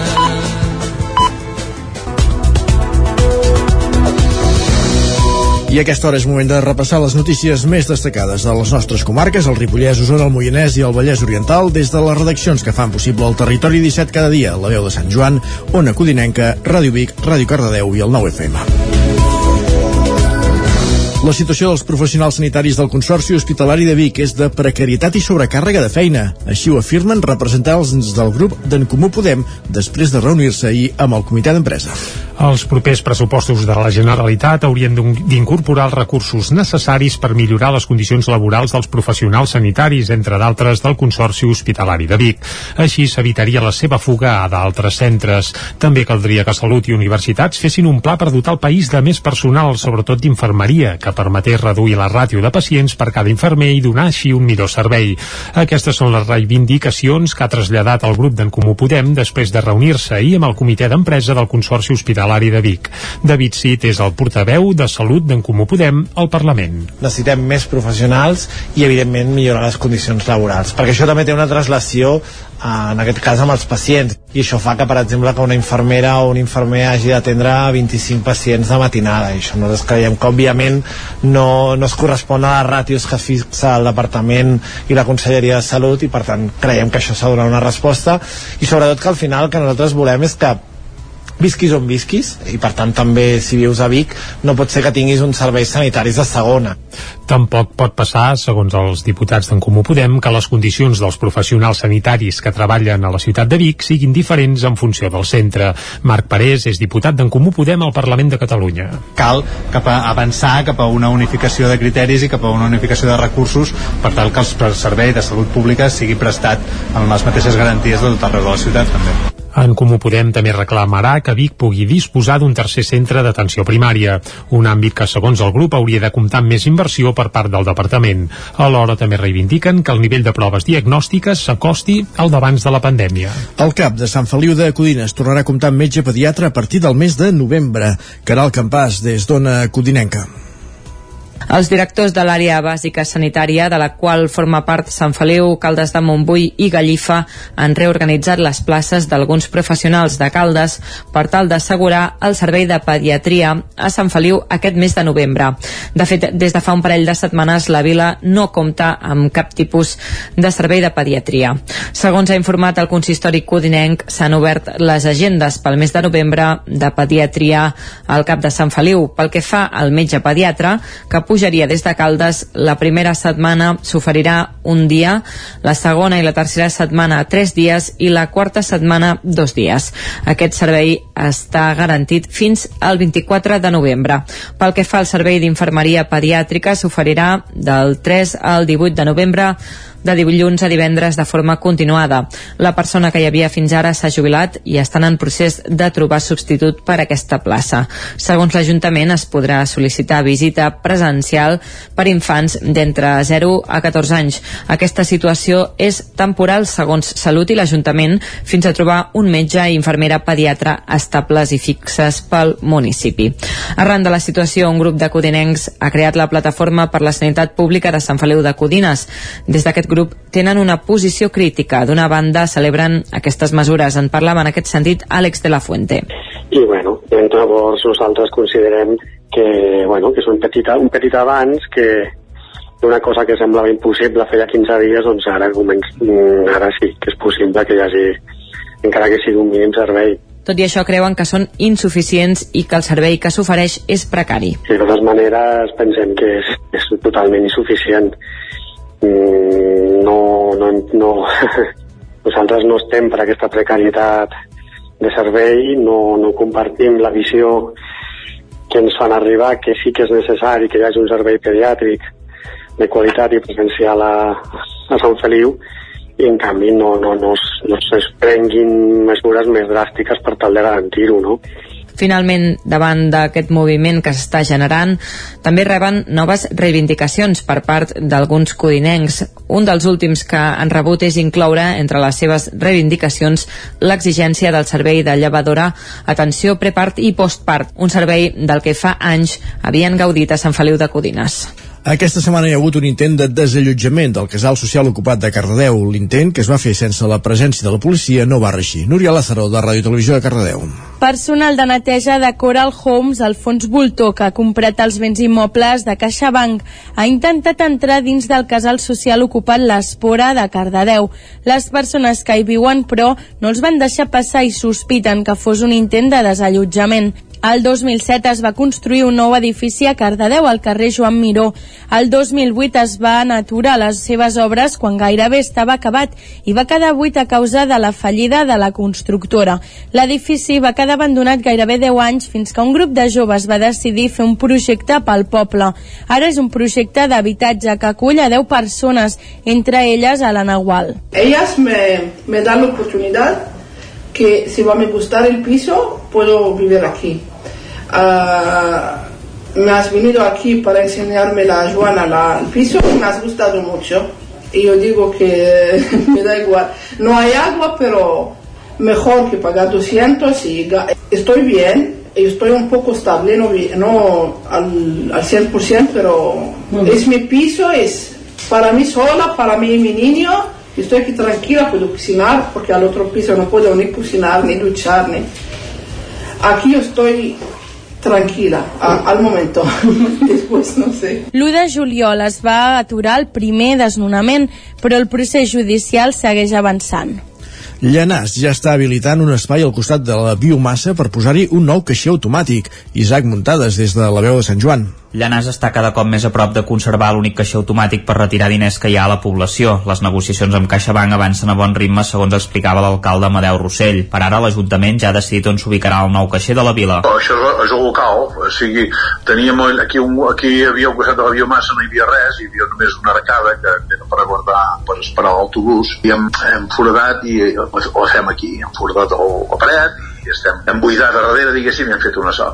Clar, si tu fas un caixer, t'hi gastes molts calés i no el tens en un lloc molt visible i molt, molt adient perquè la gent s'hi aturi, no té sentit. Llavors, com que no teníem cap local, doncs l'hem fet i l'estem fent. A més a més, per finalitzar l'obra del nou caixer han d'esperar que s'acabi la licitació per saber què el requerirà l'entitat bancària per fer el tancament de la part de davant. Cal recordar que l'actual caixer ubicat al costat de Jeep 5264 ha quedat obsolet i CaixaBank va exigir al consistori que comprés un caixer de nova generació i el mantingués amb una quota mensual força cara de 1.080 euros més IVA. De fet, encara s'està negociant, ja que si la licitació era 10 anys, el preu era més barat, i si era 5, més car. Rossell també va puntualitzar que l'obra l'estan fent perquè CaixaBank té interès a tenir-hi el caixer, però que en tractar-se d'una licitació està oberta a tothom. Per tant, si alguna altra entitat bancària s'hi presentés, haurien de veure quina presenta més bones condicions i negociar amb totes les parts. El Valle de Llanàs creu que és clau mantenir el servei al poble perquè hi ha molta gent gran, de segones residències o gent que s'atura de camí a l'estació de Vallter 2000 que necessiten tenir aquest caixer, ja que si no, el més pròxim és el centre de Camprodon, en un indret que costa molt aparcar-hi.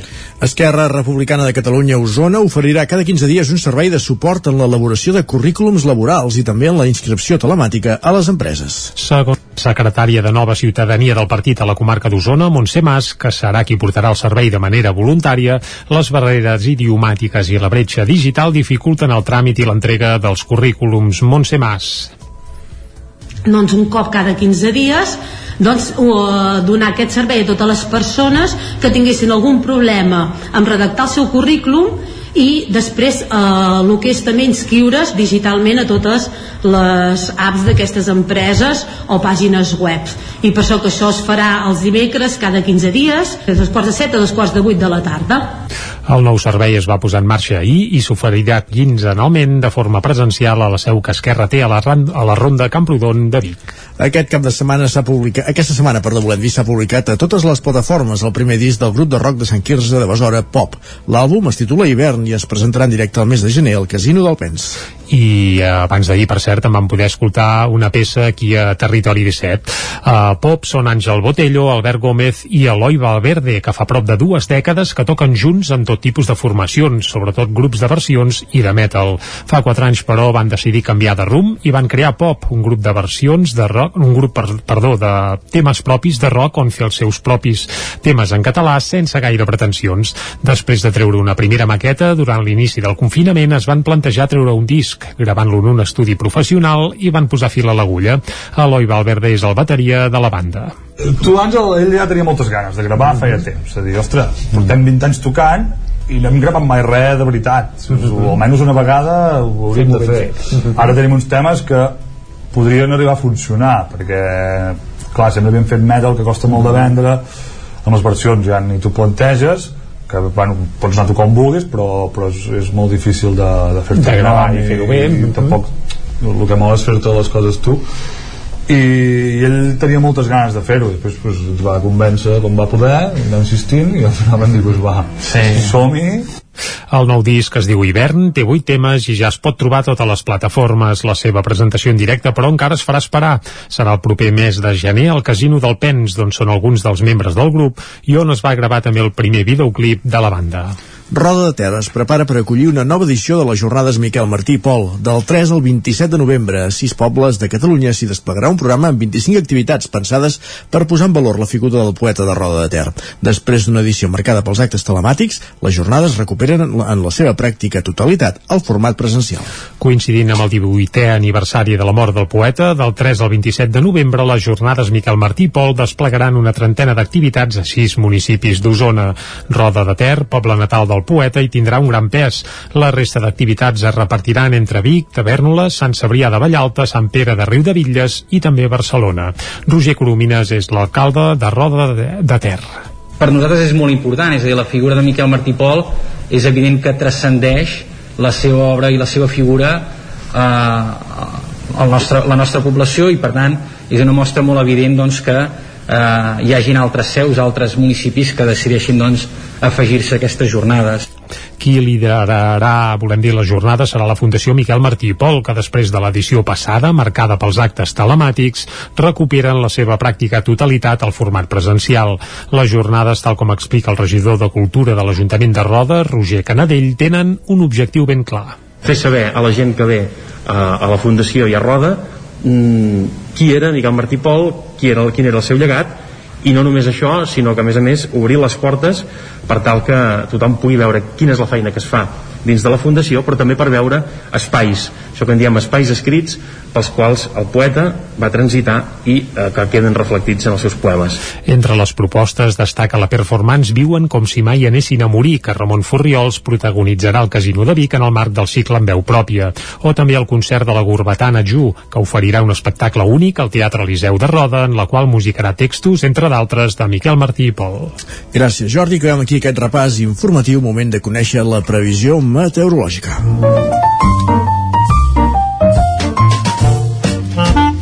Casa Terradellos us ofereix el temps. I la previsió ens la costa, com sempre, en Pep Acosta. Ja l'hem sentit a primera hora del matí anunciant canvis i ara li preguntarem de nou. Bon dia, Pep. Hola, bon dia. I molt bona hora. Per fi, per fi, després de molts dies, ja es veu una mica de... Una mica de cosa, eh? Una mica de... de salsa.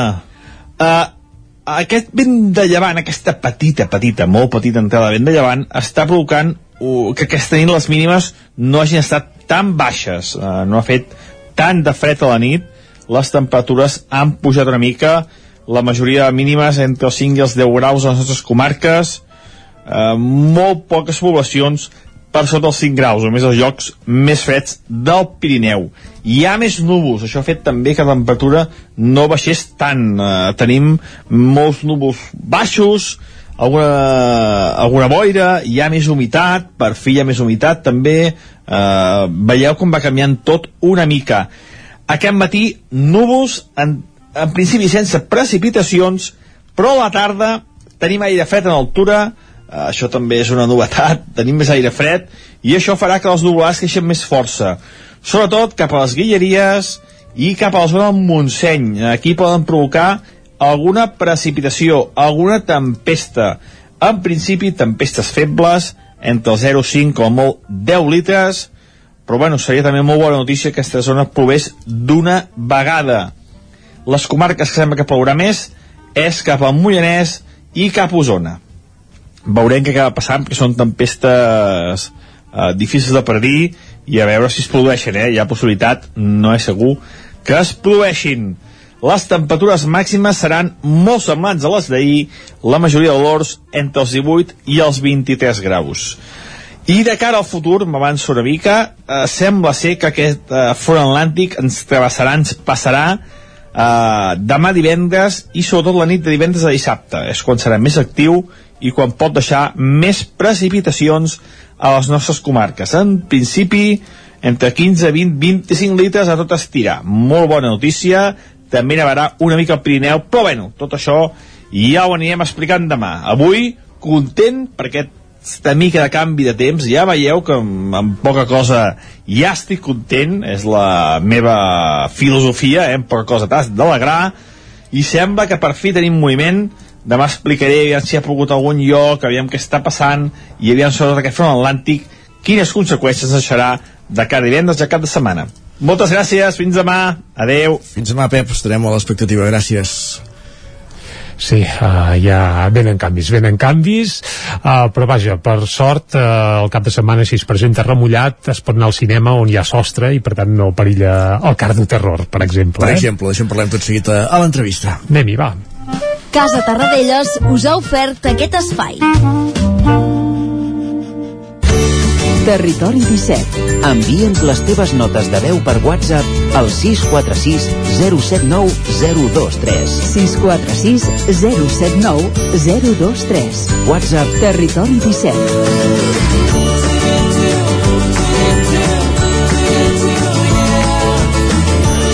Territori 17. Som a Facebook, Twitter i Instagram amb l'usuari Territori 17.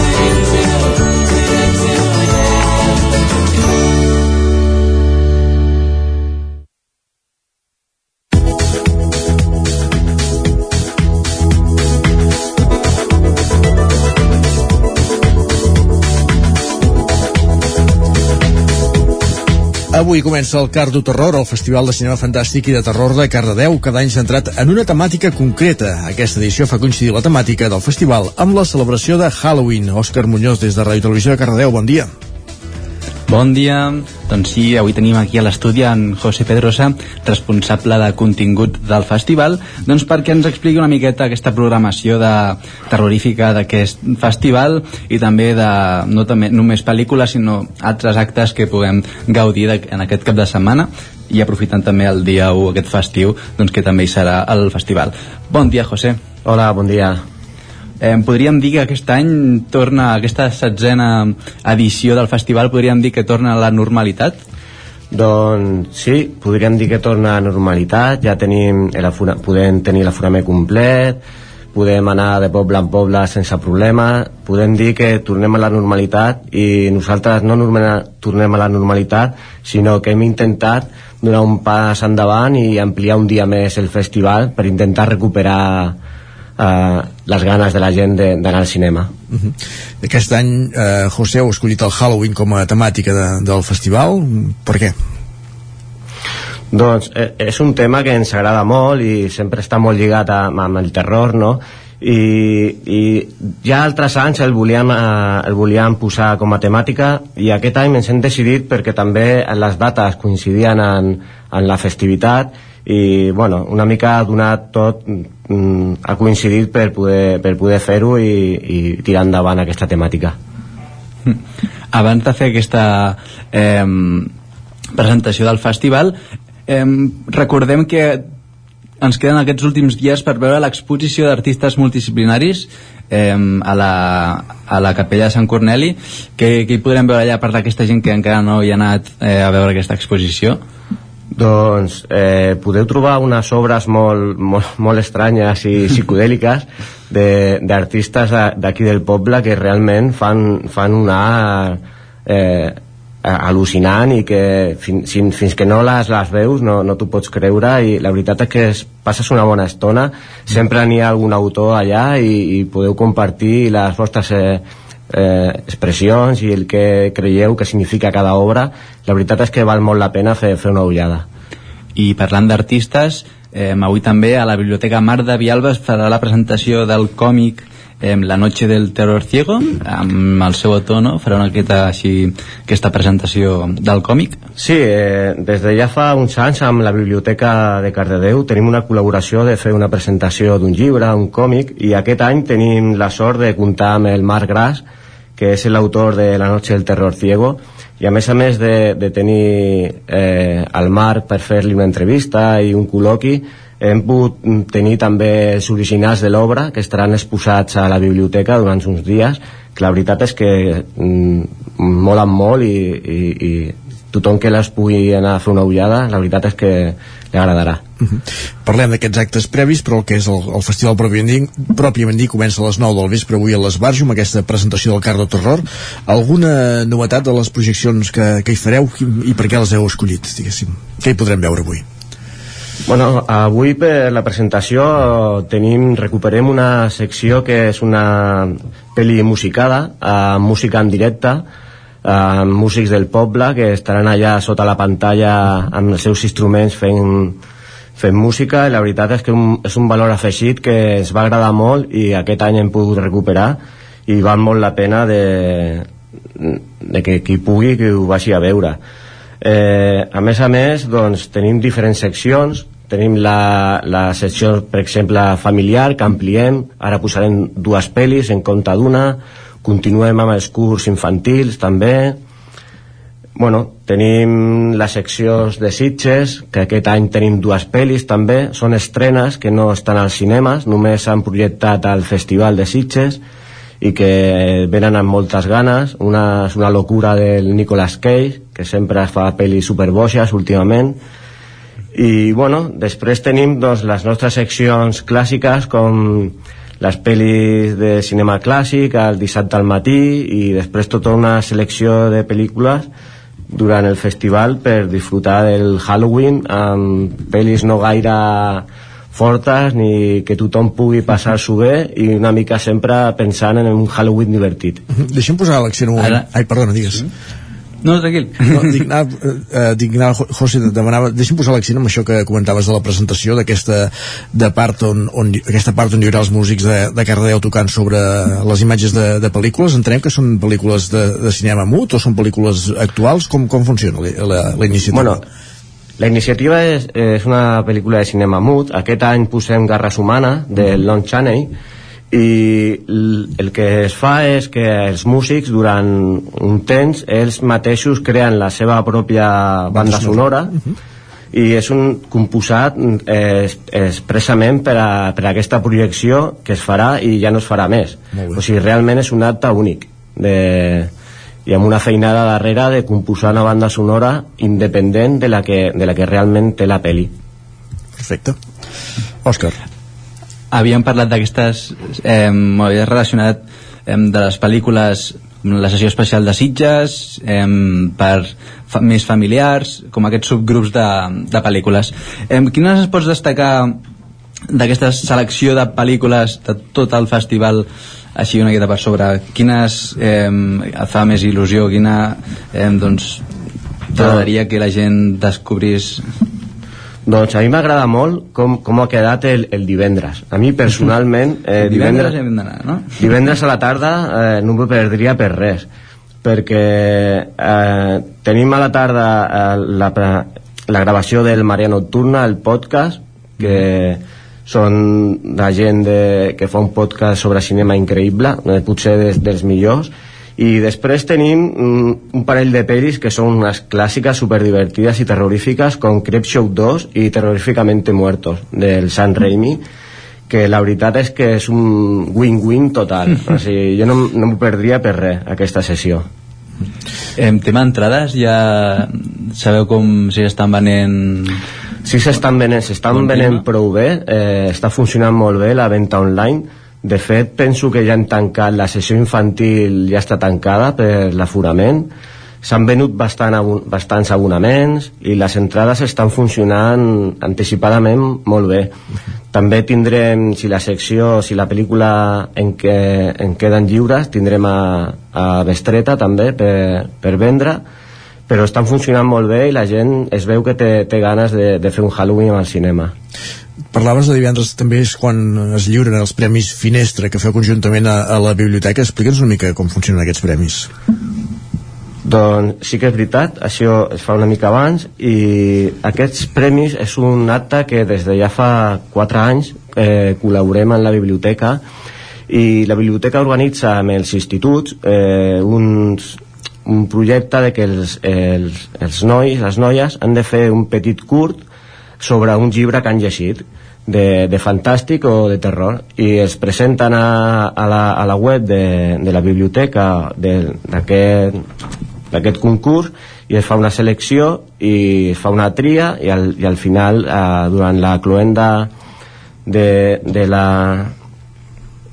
d'aquest no, no, la cluenda, diguem-ne, seria de, del Dels concurs, premis, de, concurs. dels premis. Doncs aquí se, es fa una entrega de premis i es fa, doncs... Mm, Mm, sí, al final es veuen els, els millors films. Eh, també hi haurà, a part dels Premis Finestra, els Premis TAC. Sí, correcte. Els guanyadors de, de diferents festivals de cinema, no? Uh -huh. eh, sí, Es eh, confronten, diguem sí, així, no? confronten. en l'únic... Sí. El TAC és una federació de festivals que, a la que, que participem nosaltres i són festivals de cinema de, de tot Catalunya i durant n'hi ha molts que es dediquen només a fer a fer curs i, i durant aquel, els anys doncs, eh, durant l'any eh, es van fer una, una tria i arriben els seleccionats arriben al Carro Terror i aquí és on fent l'entrega de premis i, eh, i es decideix quins són els millors José Pedrosa, eh, membre de l'organització del Cardo Terror que comença avui a Cardedeu. Gràcies per ser avui al, al Territori 17 i que vagi molt bé aquest, aquesta edició del festival. Molt bé, gràcies a vosaltres. Un festival que, com dèiem, comença avui, que coincideix amb les dates de Halloween i que, de fet, està dedicat a, a aquesta efemèria. Gràcies també, Òscar. A vosaltres. Acabem l'entrevista del Territori 17 d'aquí 3 minuts i tornem amb més, amb més coses, amb les piolades, amb la taula de redacció i amb i amb la resta de continguts que ens falten des d'ara fins a arribar al punt de les 12, el Territori 17 que us acompanya cada dia al matí de 9 a 12.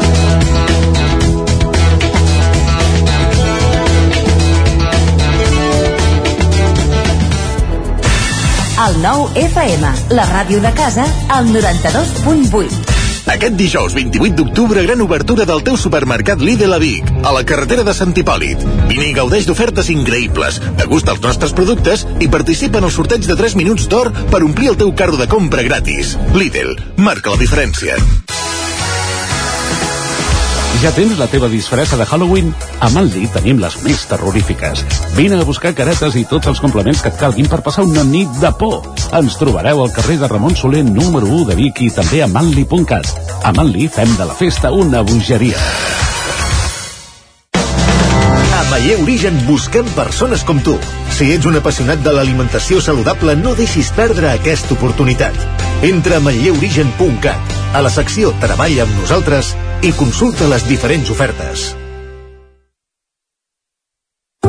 Saps què és el confort intel·ligent? És tenir un terra radiant Giacomini a casa. Benestar que no es veu, però es nota tot l'any. I que pots controlar a distància des del teu mòbil, estalviant energia i diners. Suma't al confort intel·ligent amb Giacomini. Informa't a giacomini.es o truca al 93 884 1001 i t'ajudarem a tenir un terra radiant a casa o a l'oficina. Giacomini, la climatització que et mereixes. Cobertes serveis funeraris. Els nostres tanatoris estan ubicats en els nuclis urbans més poblats de la comarca d'Osona per oferir un millor servei. Tanatori de Vic, Tanatori de Manlleu, Tanatori de Centelles i Tanatori de Roda de Ter. Sabem que són moments difícils i per això el nostre compromís és atendre-us en tot moment amb un tracte humà, sensible i respectuós. Cobertes serveis funeraris. Telèfon 24 hores 93 883 23 46.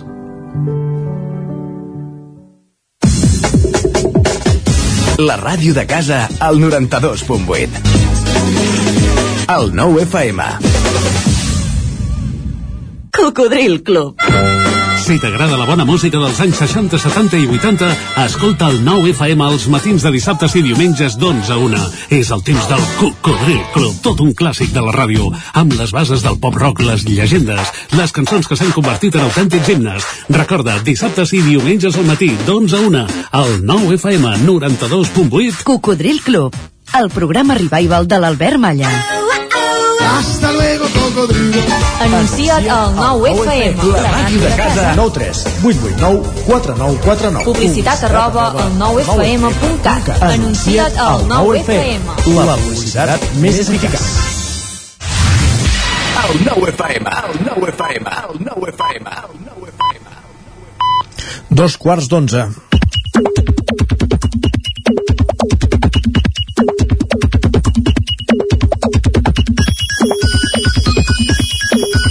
I a dos quarts d'onze, qui ens acompanya cada dia, ja està a l'estudi parlant amb en Jordi Sunyés, en Guillem Sánchez. Bon dia a tots dos. Bon dia, Isaac. Bon dia, Jordi. Bon dia, bon dia, exacte. A l'equador del territori 17 cada dia ens visita en Guillem per portar-nos una mica el cascou a Twitter i suposo, Guillem, que ens faràs algun comentari. uh,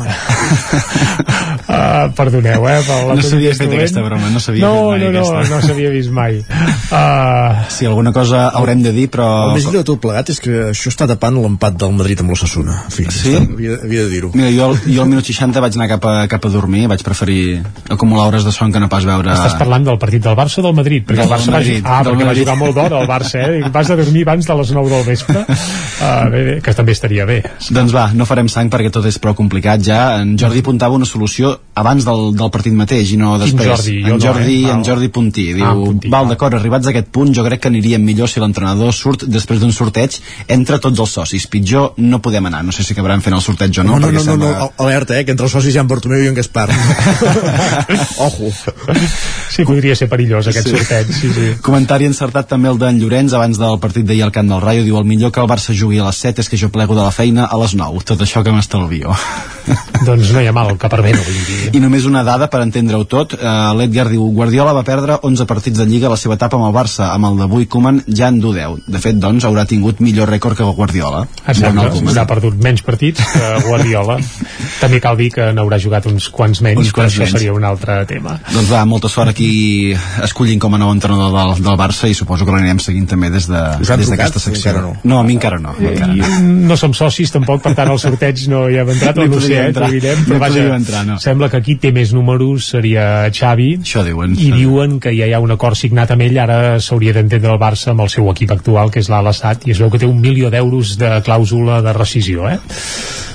no sé que no, que no ens els demanin que no els hi posarem no, no, no, no, a Calés això sí que no en tenim pas però vaja, el Barça diria que tampoc no gaires però Doncs va, deixem una mica el futbol Va, perquè el més important és que segueix fent un fred important a primera hora del matí ja aquests dies. La Mireia sí? admet que això li pot portar problemes familiars. Diu, arriba aquella època de l'any en què el meu home continua vestint màniga curta, jo vaig amb jersei i jaqueta i cadascú vesteix les criatures segons el seu termòmetre. A l'escola deuen pensar que els fem alguna mena d'entrenament militar estrany. Bé, Curiós, eh, curiós. Hi ha escoles, eh, a Finlàndia, per exemple, eh, surten al pati cada dia, encara que estiguin a 5 sota 0 o 10, per precisament acostumar els nanos a... Acurtir-se, sí. Exacte, sí, home, sí. doncs va, canviant de tema i també es va produir la detenció de l'exvicepresident del Parlament Josep Costa durant unes hores, llavors el van deixar en llibertat. L'Enric ens fa notar el següent, diu només demano que els meus amics se'n recordin tant dels meus aniversaris com els jutges espanyols se'n recorden de les dates claus del procés. Recordem que ahir es complien 4 anys de la declaració d'independència fugaç, perquè va durar el temps de cantar un Sí. gall, però vaja, en teoria bé que es va proclamar, sí, sí. Perquè parlant d'aniversaris i dates especials, a vosaltres no sé si us passa el mateix que l'Olga, que diu, vosaltres també teniu un calaix a la cuina ple d'espelmes, però cada cop que celebreu un aniversari n'acabeu comprant de noves? Home, doncs a mi sí que em passa això, veus? Ara que ho dius. A l'Isaac uh, crec que també. No, no, no. Ah, no, no. Jo el tinc al lavabo, aquest Sí? calaix. No a la cuina, però està al lavabo. Jo aquest, tinc un calaix. pot a la cuina que està ple d'espelmes d'aquestes usades que, mira, allà són. que, no, que algunes no es poden encendre perquè ja, ja no tenen fil, però encara seguim guardant el tros de cera per, per si de cas. Algú us ha, us ha fet adonar del fenomen que, que falten quatres d'aquestes espelmes a les botigues? Uh, deu ser que els quarantons són els que bufen més espelmes. Deu ser això. o Ara pla. I ara que vindran tres dies de festa amb el dilluns de Tots Sants, potser alguns aprofiten per anar cap a la seva segona residència. L'Adrià adverteix d'una situació, diu, veig a molta gent que fuig de la ciutat i se'n va al poble, però per seguir mirant pantalles. I en Pep li respon, no et vull desencantar, però que sàpigues que al poble estem tan enganxats a les pantalles com els de la ciutat. No sé si també teniu aquest, uh, aquest sentiment vosaltres o... Jo el que no tinc és segona residència, per tant, Per tant, no puc comprovar, no puc no? compartir aquest sentiment amb ningú. Però el poble o, o la ciutat petita de muntanya encara són especials per algun tipus de coses i de situacions, com per exemple la que ens comenta la Mercè, que diu quan et paren pel carrer i et demanen on hi ha un McDonald's. Aquí al Ripollès no en tenim d'això i que així continuï. Esperem que, bueno, no sé si hem de dir esperem que no se n'instal·li cap o que tant per tant acabin de baixar fins a, fins a Vic, no? Deixa, deixa'm anar un tuit enrere, és que ara que, que has dit això de la segona residència, he pensat en un correu electrònic que he vist que, que he rebut aquest matí que diu Los inversores millennials buscan viviendas de lujo sostenibles que incorporan la última tecnología. He quedat bastant a quadros, m'he imaginat un, un inversor millennial. Bé, Ja que n'hi ha, no? No sé, no sé, la veritat, si n'hi ha gaires, per qui no els coneixem o no els veiem, eh? I avui, avui som, som dijous, oi? En principi sí, eh? Perquè l'usuari a la el deriva ens recorda no us fieu mai d'un dijous tampoc, ni d'un dimarts, dies de mala estrugança. Els dilluns tampoc són bons, ni els, ni els diumenges, us dic. Per tant, ens queden, em sembla, dos Dissabtes dies... i divendres, no? Dissabtes, divendres i els dimecres, que són els tres dies aprofitables segons... Ara em segons ve, em usuaris. ve al cap aquella cançó del dilluns és per fer festa, el, dilluns, el dimarts per descansar, el dimecres anar al cine, el dijous eh, no pas a treballar, el divendres de, i el dissabte va, tant és, però segur que algú li ha vingut al cap també. Jo vull per Algun això- dia la posarem, va, aquí Territori 17, la recordarem. Jo avui per això he de reconèixer que ja m'ha valgut la pena aquest dijous perquè he pogut descobrir una paraula que he descobert també avui que m'agrada molt. L'ha escrita la Júlia. Quina paraula Es veu que és la paraula deixondir. Home, deixondir. Jo aquesta no la, no la coneixia, per tant... Eh, doncs ho pots explicar, Jordi, que... Deixondeix-te.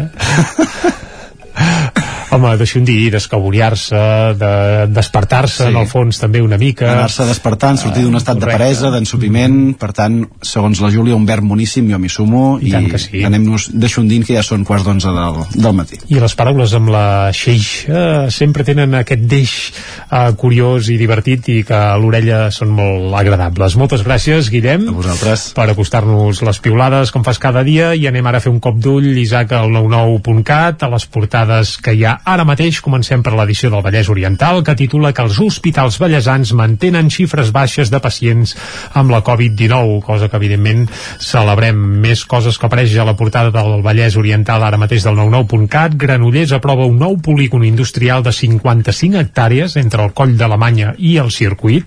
Sabeu que encara queden terrenys allà per, per posar-hi ciment. Puja a més d'una desena el nombre de, de detinguts en l'operació antidroga a Llinars amb quatre policies locals implicats. Encara continua el col·labrot de la policia local de Llinars i la reducció del cabal d'una mina obliga a secar el llac del Parc del Lledoner a Granollers. Anem ara a fer un cop d'ull a l'edició d'Osona i el Ripollès, que en aquest moment s'obre eh, parlant de Camp de Bànol, cosa que l'Isaac Muntada segur que celebraria, i és que la joia modernista de Camp de Bànol es vesteix de gala. La joia modernista fa referència a la intersecció de l'Avinguda Pau Casals amb la carretera de Gombrèn, on hi ha un edifici eh, modernista. modernista, evidentment, que és la casa de mossèn Tor, eh, un edifici modernista fantàstic. Més propostes, més coses que apareix a la portada del 99.cat d'Osona i el Ripollès, Torelló tindrà un carnaval normal l'any que ve i també que el biguetà Arnau Domènech guanya el Premi de Narrativa de Ciència-Ficció de Mataró. Uh, L'Arnau Domènech és psicòleg de formació i xocolater de professió, però que es veu que també és aficionat a l'escriptura i bé, ja ha guanyat el Premi de Narrativa de Ciència-Ficció de Mataró i això, això vol dir 3.000 euros en metàl·lic. I també la publicació de l'obra en Pagès Editors per tant des d'aquí per molts anys Arnau Domènech. Perfecte, doncs acabat el repàs digital anem a la taula de redacció, gràcies. Anem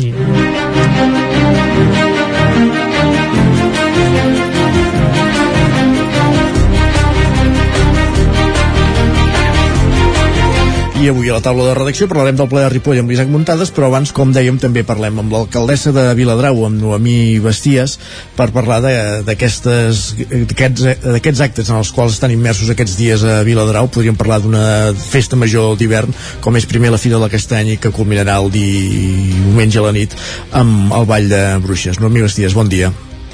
Hola, bon dia. Podríem parlar d'això, eh? Tot aquest enrenou d'actes que teniu aquests dies, podríem parlar d'una festa grossa, una festa major d'hivern, pràcticament, eh? O, o de tardor, perdó. Sí, sí, sí efectivament eh, portem ja dos caps de setmana, serà el segon cap de setmana molt intensos, però en general ja, ja tota, la, tota la temporada de tardor a Viladrau és, és, és intens, no? Llavors, doncs, si a més a més hi afegim la celebració d'aquests actes, doncs fa que, que realment sembli doncs, una, una festa major de, de tardor, que, que de fet la d'hivern el tenim a tocar, eh, perquè és l'11 de novembre, per tant, acabem amb, amb, amb Fira amb Bruixes i tenim la festa major d'hivern. Molt bé. Sí, més caps de setmana plens. I això és important, que hi hagi activitat. Com dèiem, el cap de setmana es va fer la, la Fira de, de la Castanya, eh, una valoració, era una Fira de la Castanya que reprenia després de- d'un any d'inactivitat a causa de la pandèmia i suposo que hi havia ganes de Fira, eh?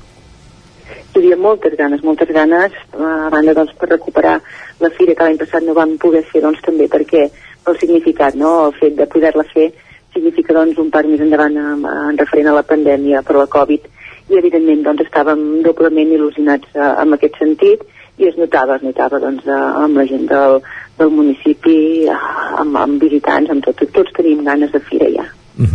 Molt bé. Eh, el que ens deien aquest any és que eh, les cas- de castanyes n'hi havia poques, que, no, que ha estat un any poc productiu, oi? Ha estat un any poc productiu. La castanya, doncs, eh, és un pèl petita, perquè per la falta doncs, de- d'aigua, no? perquè estem patint des de ja fa uns mesos força sequera eh, en aquesta zona. I, I, doncs, per tant, la collita aquest any no és com altres anys, que ha sigut més abundant. Però, bueno, hem pogut, eh, hem pogut oferir castanya de Viladrau i amb, amb la seva qualitat, doncs, que, que sí que se n'ha pogut trobar en, en l'espai de la fira. Mhm. I aquest cap de setmana se'n tornarà a trobar. S'ha tornat a trobar, perfecte. El primer cap de setmana de, de, a nivell de firaires i visitants, esteu satisfets? Quina valoració en feu? Valoració positiva. Eh, es, es preveu, bueno, el, que, el que es va comptar referent als vehicles que van passar és que el dissabte doncs s'estima entre 8 i 10.000 persones que van visitar Viladrau eh, el dissabte i entre 10 i 12.000 les que van visitar diumenge Viladrau i per tant la- l'afluència de, de visitants del municipi va ser realment, realment molt important i, i destacar les mesures que es van prendre, no? que va, que es, les mesures que es van prendre per tal de no de, de, de que la gent no, no s'apilonés molt amb diferents amb un espai doncs eh, van funcionar no? i estem contents en aquest sentit perquè tot i, i el volum tan gran de, de, de visites doncs eh, estava tothom força espaiat que, que és d'agrair Com bé deies, aquest cap de setmana també es pot comprar castanya a Viladrau, també hi haurà fira, però el que hi haurà també és el, el Ball de Bruixes, eh, la nit de, de Tots Sants, la nit de la castanyada. Com es preveu aquest any aquest Ball de Bruixes? Una mica com, com s'ha preparat aquesta, aquest ball postpandèmic, diguéssim?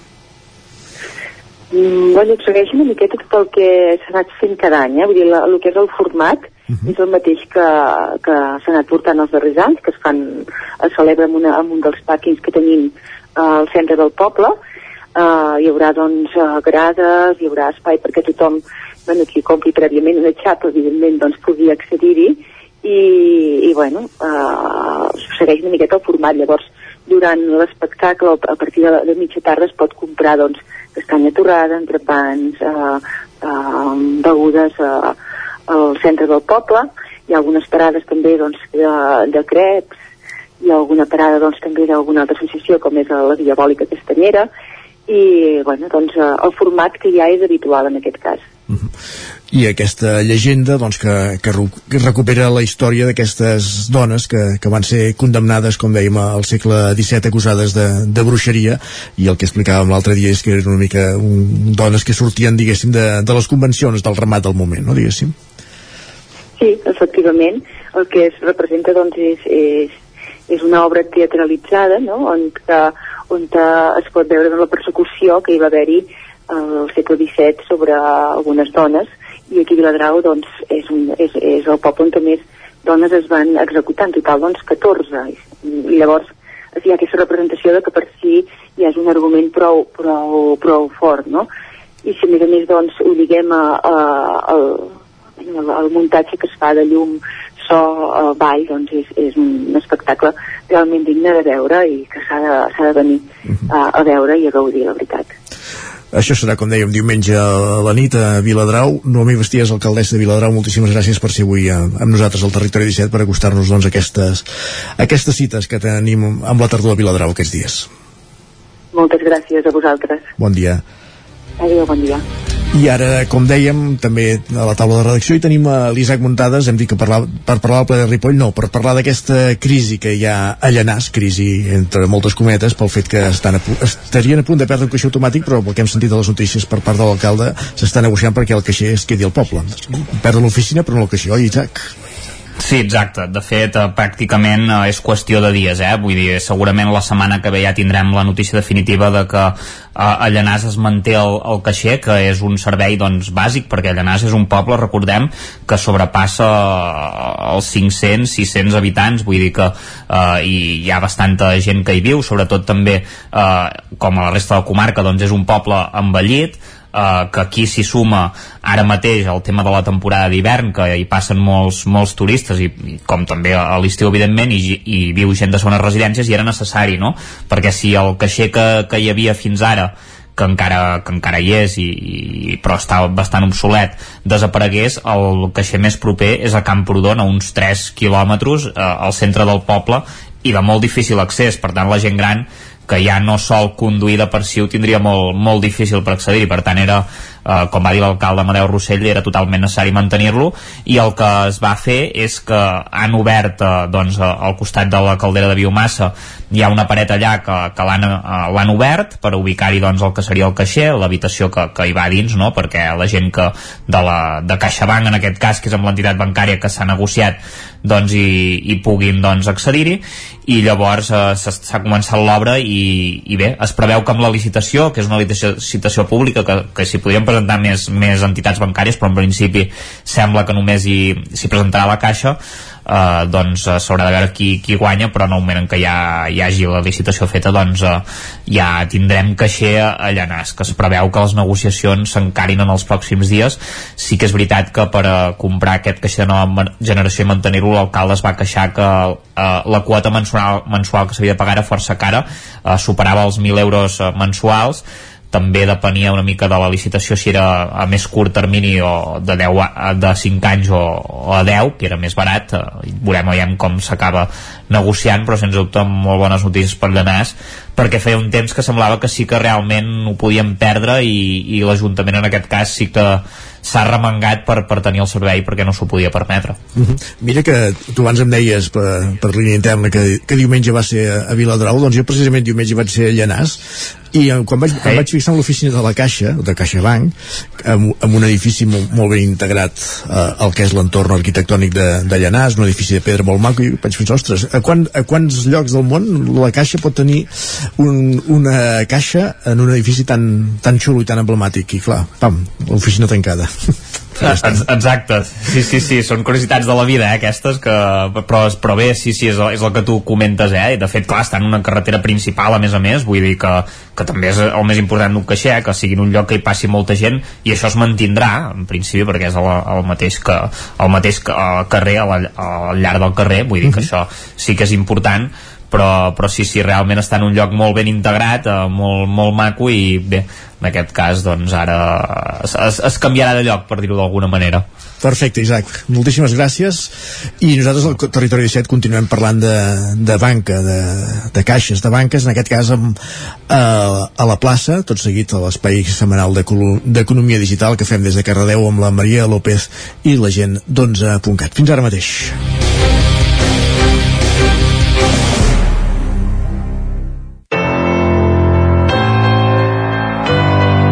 Territori, Territori 17. 17. Territori 17.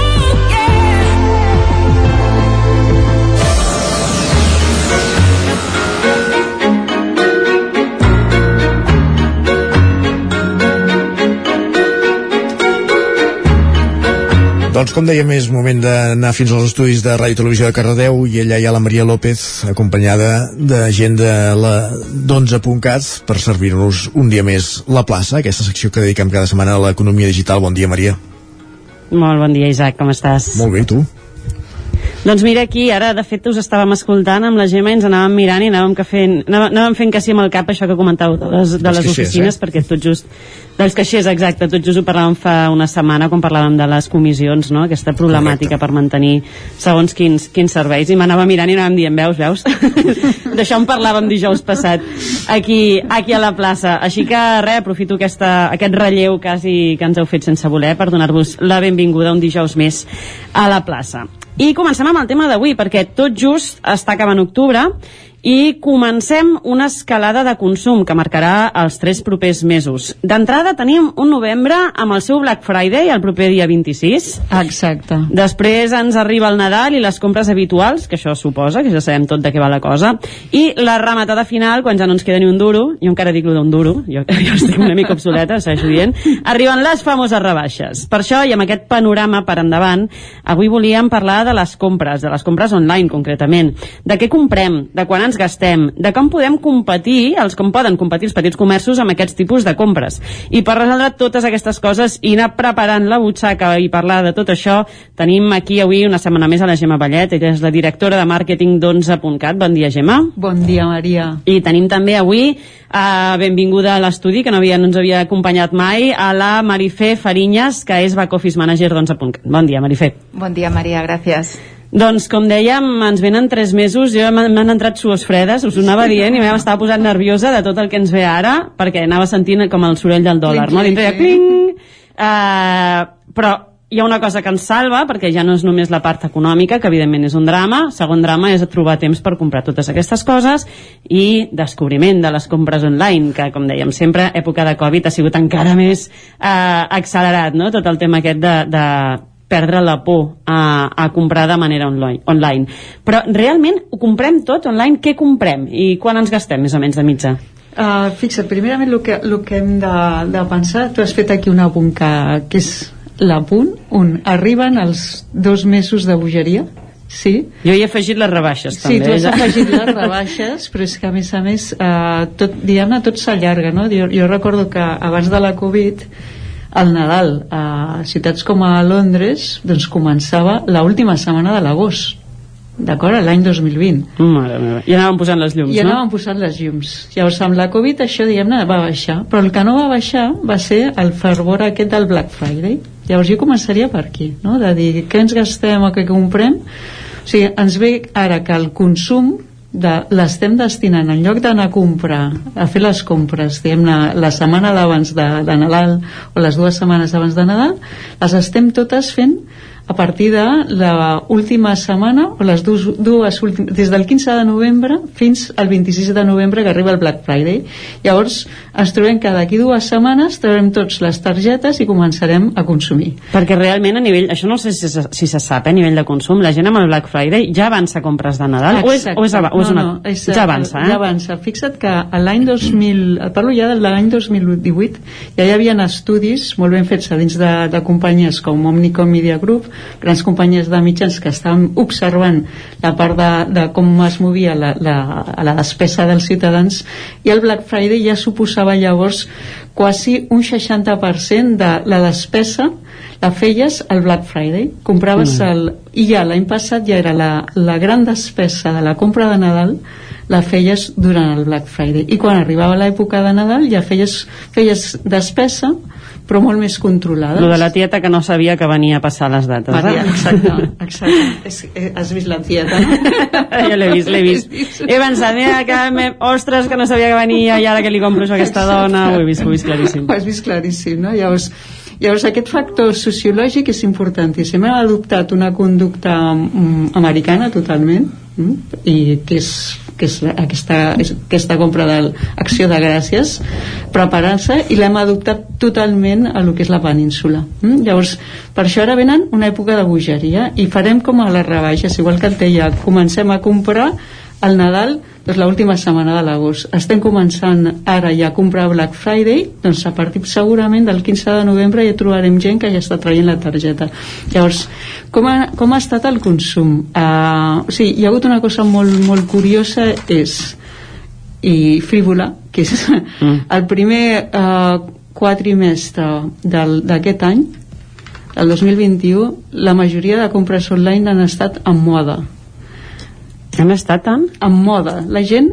gasta un 10% saps, de tot el que es gasta amb, de compres online un sí. 10%, quasi un 10% 9,6% és en moda en comprar roba online i l'altre, un 5% és amb serveis financers i el tercer en el, la qual cosa s'han gastat uh, més diners ha estat en, en jocs online lo de la moda, ara, és que ara ho has dit, ara no fet pensar. Això va variar durant la pandèmia? Perquè jo no sé si la gent devia comprar massa roba tenint en compte que no et veia ni Déu.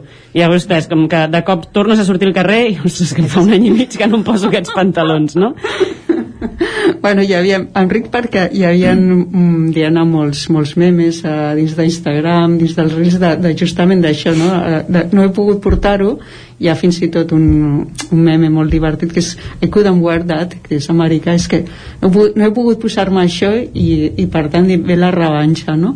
llavors sí que hi ha un efecte sociològic per aquí però també perquè era com un pols que tenia el sector de la moda per entrar no? Uh -huh.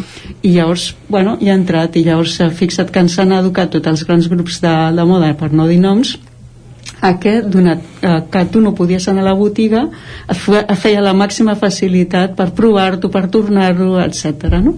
Llavors això ja un dia ja tornarem a parlar perquè té molta... I tenim xitxa, té, té xitxa per una altra plaça. Eh? Per una altra plaça.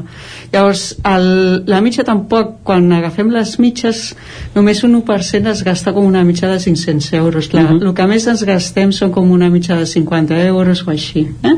Llavors encara no s'ha disparat tant com, com si haguéssim agafat una altre país d'Europa que tenen despeses molt més altes eh? i Anglaterra també té una despesa més, més alta Parlem també una mica ja no només el tipus de, de què comprem exactament, sinó aquesta mitja que destinem exactament. Quina quantitat, això no està calculat, quina quantitat destinem aquestes en euros a, a, a aquestes dates a Nadal per exemple i, i deies que quedava repartit no? que d'alguna manera el 60% sí, que, queda, Black Friday però està calculat quan ens gastem més o menys en aquestes sí, i teníem, però que passa la data aquesta te l'ha d'actualitzar però sí que hi havia una mitja que estaven amb els 800 euros o així eh? o sigui, no, no, no vamos bajitos o sigui, 800 euros per persona? sí, sí, estava així o sigui, amb, amb el Nadal o sigui, amb aquesta...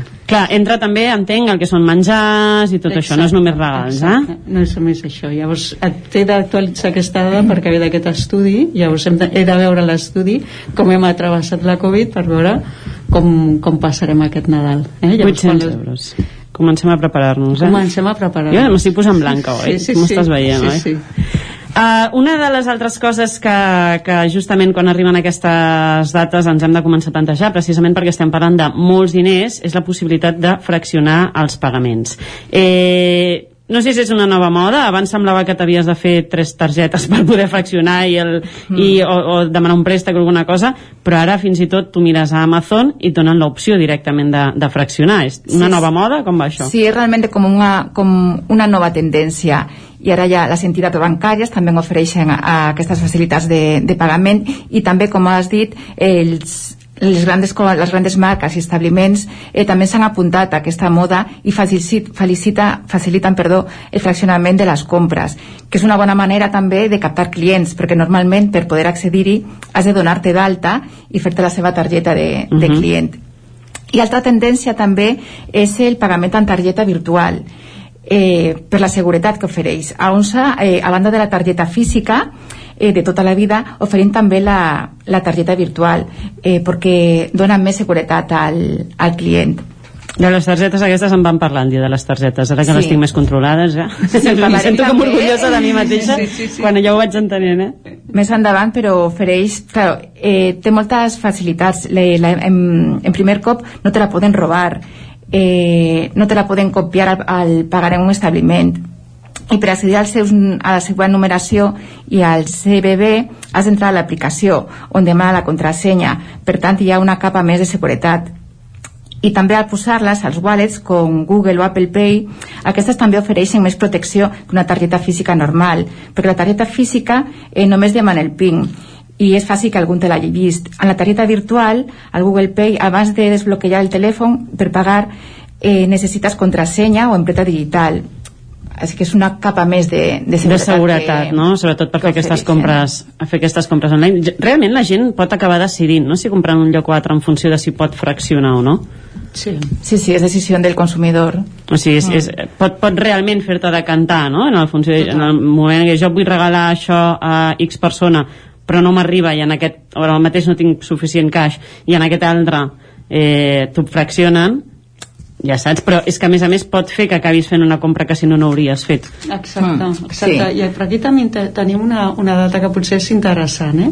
que si agafem l'acumulat del, de l'any passat del, del 2020 trobem encara que només hi havia com un 2% com a màxim de persones que feien servir el pagament fraccionant i això està pujant ara vale? perquè, perquè ve aquesta tendència de que comprem quasi tot a, a online perquè encara la majoria de nosaltres sí, està comprant a les botigues online fent servir, per exemple, en primer lloc la majoria de gent, un 40 i tants per cent fa servir el, els Paypals i en segon terme està fent servir per exemple les targetes de dèbit val? llavors la tendència aquesta de comprem de forma fraccionada ve com a tendència i molt forta perquè ens estan acostumant a això i perquè l'economia doncs, doncs, bueno, també ens porta a, a fer a compro millor amb aquesta marca de moda perquè m'ajuda a fer el pagament fraccionat no?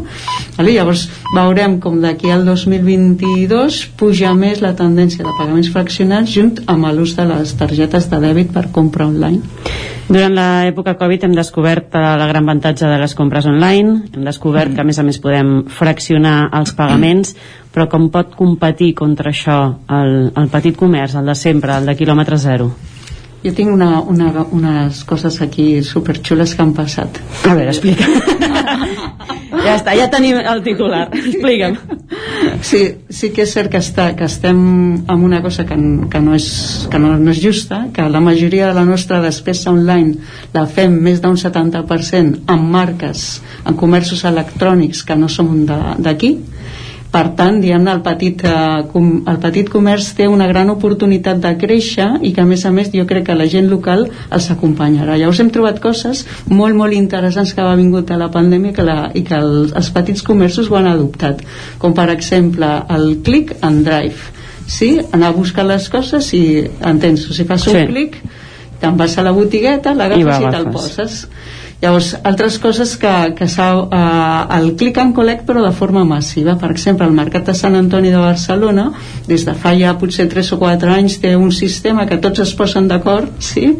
i hi ha un, un, un parell de persones que són emprenedors i ajuden a totes les botigues de la, de la plaça del Mercat a fer com una compra online per competir doncs, amb, amb, els grans amb els grans supermercats no? llavors és un click and collect però d'un- d'una forma diguem com més artesana més, més casual no? que diríem i llavors amb aquests clics and collects també que, que tenim doncs, per exemple coses molt interessants que, que estan diguem-ne fent-los més atractius aquests petits comerços de, per exemple jo et porto la, la comanda a casa i com que estic de proximitat et garanteixo que quan et porti la, la comanda a casa ho faré fent servir per exemple un vehicle sostenible, la bici llavors quina oportunitat molt eh, xula, molt cool que tenen els petits comerços és adaptar, adoptar formes diferents que adopten el, els altres no?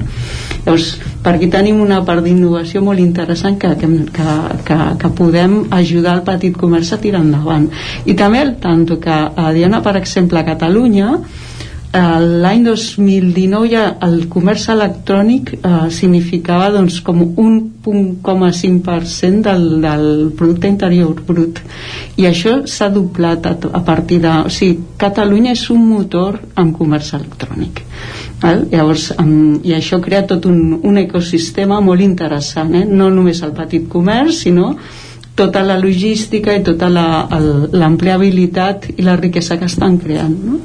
D'alguna manera l'aposta podríem dir que hauria de ser el no, no apartem aquests avantatges que hem descobert de, del comerç electrònic però no descuidem que això també ho podem tenir amb, amb productors i amb, i amb botigues de proximitat i de quilòmetre zero i, i no, no abandonem aquesta idea de, de cuidar els de, els de casa no?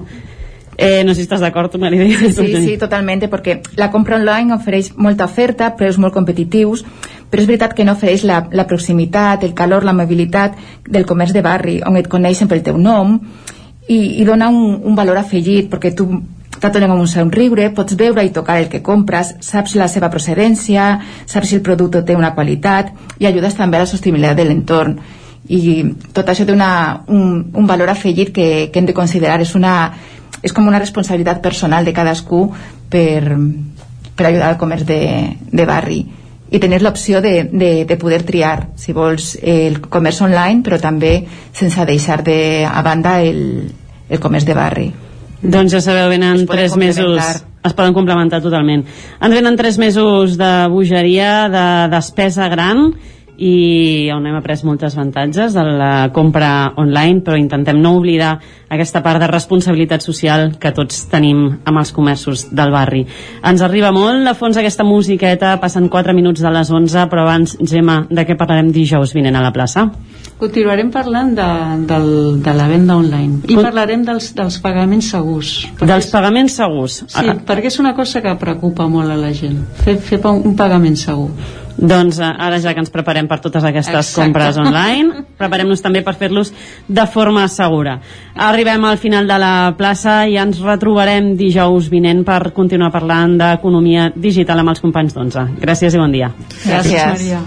Gràcies, gràcies Maria, bon dia. Arribats a aquest punt, passen 5 minuts de les 11, ens actualitzem al Territori 17. Territori 17, amb Isaac Moreno i Jordi Sunyer.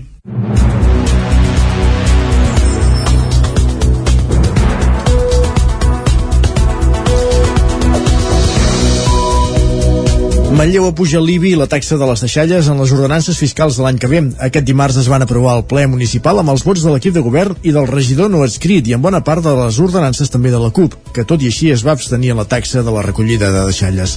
El PSC, en canvi, va votar en contra tant de l'IBI com de les deixalles. El ple de l'Ajuntament de Manlleu aprovava dimarts les noves ordenances fiscals amb increments de l'IBI i la recollida de residus. L'IBI puja un 4,86% amb un increment de mitjana en el rebut de 20 euros. En el cas de les deixalles, la quota general passarà dels 135 als 142 euros i la taxa queda com estava pel sector comercial i industrial. Les ordenances van tirar endavant amb la majoria absoluta de l'equip de govern i el suport del regidor no adscrit Francisco Zambrana. El vot de la CUP va ser favorable en la majoria de casos, però es va abstenir en la taxa de recollida de residus. El PSC, en canvi, molt crític amb el govern d'Esquerra i Junts, va votar en contra dels increments de l'IBI i també de les deixalles. Des de l'equip de govern justifiquen els increments per l'argument l'augment de la despesa corrent, la puja en el cost de la recollida d'escombraries i en el fet també que diversos serveis són deficitaris. Escoltem per aquest ordre a Maire Costa, de la CUP, Antoni Poyato, del PSC, i Àlex Garrido, alcalde de Manlleu. Compartim que Manlleu necessita més ingressos per poder oferir i sostenir els serveis de qualitat i amb el màxim de cobertura i per tant lògicament és, és uh, una manera d'incrementar la recaptació però no és l'única, també cal uh, millorar la gestió per donar suport a la reactivació econòmica i per ajudar a la superació a la situació actual que sembla que vostès desconeguin, entenem que el més raonable seria no augmentar la pressió fiscal a les activitats econòmiques i a la ciutadania. Una mica en compte quan diem que el, el govern eh, municipal eh, no té eh, sensibilitat per la situació eh, econòmica actual perquè la té i ho ha demostrat. El ple de l'Ajuntament de Manlleu també va aprovar una modificació puntual del planejament urbanístic per disposar d'un terreny al Parc Torrent Magí, proper a l'actual centre d'atenció primària, i cedir-lo així al CAT Salut perquè s'hi construeixi un nou CAP. Aquest nou equipament tindria 1.800 metres quadrats i, segons l'equip de govern, donaria una resposta adequada a les necessitats del municipi. El PSC es va abstenir en aquesta votació. A Torelló, el Carnaval anuncia el retorn al 2022 per la Porta Gran. El Procicat considera que si els indicadors actuals actuals de la pandèmia no varien, la festa torellonenca podrà recuperar en gran part la normalitat. Després de la suspensió de l'edició d'aquest 2021, el Carnaval de Torelló del 2022 hauria de ser el del retorn a la normalitat.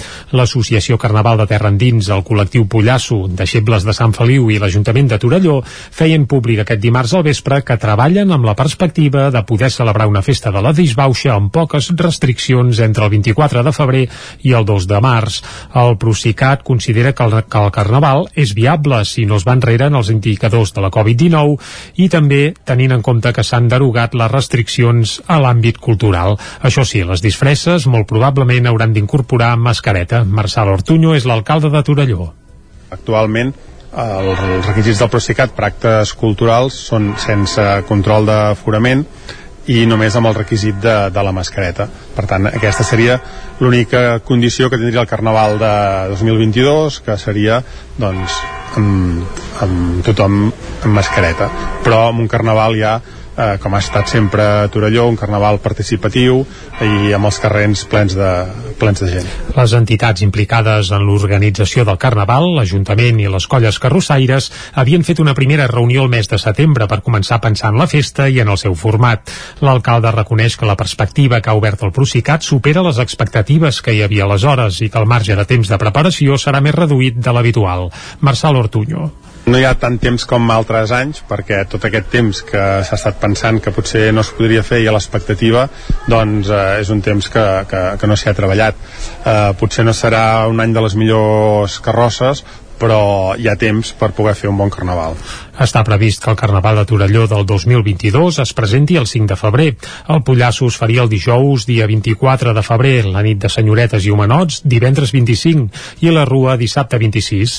La festa també inclouria el Carnaval infantil, el diumenge 27, i acabaria amb l'enterrament de la sardina el dimecres 2 de març. Perfecte, gràcies Jordi. Vigues i Riells del FAI reformarà la vorera del camí de la Torre, un vial que està en molt mal estat de conservació, que era el campàs des d'Ona Codinenca. L'Ajuntament de Vigues i Riells ha iniciat aquesta setmana la reforma del camí de la Torre situat entre el riu Tenes i l'inici del camí dels manantials. Les obres tenen un cost de 80.000 euros. Aquest espai d'uns 850 metres quadrats va ser urbanitzat fa molts anys i actualment presentava un mal estat de conservació, principalment per la gran presència d'arrels d'arbres que han trencat i aixecat el paviment de la vorera. Els treballs de millora de la vorera del camí de la Torre busquen potenciar-ne l'ús de nou. En parlava en aquest sentit Joan Galeano, alcalde de Vigues. Bueno, el que estem fent és una actuació que ja es va planificar ja fa temps, eh, perquè estava molt malbé aquella vorera. Al final les plaques aquelles de ciment que en el seu moment es van col·locar pues, amb el creixement de les arrels dels arbres s'han pues, anat aixecant i al final l'ha fet pràcticament impraticable. Era un passeig maco perquè lligava diversos entorns de, del municipi i el que es va decidir ja fa un temps pues, és fer aquesta actuació i, i al final pues, continua amb la comunicació entre el passeig fluvial, la part de Manantials, la part de Can Travé, del que seria el camí de Can Segimont, també la zona de Can Noguera i a l'accés a les Roques Blanques. Les obres consistiran en la pavimentació de la superfície de la vorera, la substitució de part de l'arbrat actual, la col·locació de nou mobiliari urbà i la millora de la instal·lació d'aigua, enllumenat públic i rec. Serà una obra ràpida que s'enllestirà en un mes i tindrà poques afectacions al trànsit. Perfecte, una de les locomotores de la sèrie 1000 de Ripoll es posarà a la rotonda del CAT d'Escanguetes, Isaac Muntades, des de la veu de Sant Joan. El Rotary Club del Ripollès i l'Ajuntament de Ripoll han signat un conveni per tal de col·locar una de les locomotores elèctriques de la sèrie 1000 a la rotonda que hi ha al costat del CAT de Canguetes en direcció a Sant Joan de les Abadeses. Aquesta possibilitat va generar algun dubte tècnic al porteu de l'alternativa per Ripoll CUP, Aitor Carmona, que en el seu moment ja va demanar col·locar una estàtua de Guifré el Pilós a una rotonda de l'entrada sud del municipi i en aquell moment se'ls va dir que era més idoni posar-la en un altre lloc. Un dels temes que es va comentar és que a nivell de carreteres, no, amb les rotondes, semblava ser que elements que fossin fixes, diguéssim, o que poguessin provocar no, que el xocar-hi doncs, eh, algun dany semblava que no eren pertinents. En aquest cas ens sobta que la rotonda i la mida de la locomotora semblaria que qualsevol cotxe que es pugui desviar home, seria un, un obstacle important I, i és per això si a nivell tècnic això s'ha mirat i si realment és la millor ubicació. El regidor de Junts per Ripoll de Serveis al Territori, Joaquim Colomer, va contestar-li que la diferència principal entre les dues rotondes que esmentava era que depenia de si la infraestructura estava en terreny municipal i per tant pertanyia a l'Ajuntament o si era propietat de carreteres de l'Estat o de la Generalitat de Catalunya. En aquest cas calien els informes preceptius corresponents. De totes maneres, el consistori va demanar un informe que validava la seva col·locació allà perquè s'ubica d'una manera que evita que redueixi molt la visió de la via. L'alcalde Jordi Monell va explicar per què han optat per moure la màquina. És lamentable que es pinti, que es malmeti, que hi hagi grafitis, evidentment moure-la és, és molt costós i en aquest cas doncs, aquesta entitat ripolleses ens va oferir aquesta possibilitat si recorden fa uns anys enrere hi havien posat un carro amb unes flors ens van oferir aquesta possibilitat de que fossin ells qui assumissin tot aquest cost que pugui tenir doncs, aquest moviment de la màquina també amb la finalitat de, de posar en valor el patrimoni ferroviari de repintar-la, de posar-la en un lloc que al ser més transitat probablement sigui menys objecte de, de bretolades no? i que a més a més doncs, reivindicarà en certa manera també doncs, la línia de, de Ripoll a Sant Joan de les Abadeses. No? La màquina no s'hi quedarà per sempre, ja que la idea és que quan es rehabilitin les cotxeres de l'estació es pugui ubicar allà, una obra que és a llarg termini, ja que l'actuació té un cost que oscil·la entre els 300.000 i 400.000 euros. Tot i compartir algun dels arguments, Chantal Pérez d'Esquerra encara no veia clar el moviment.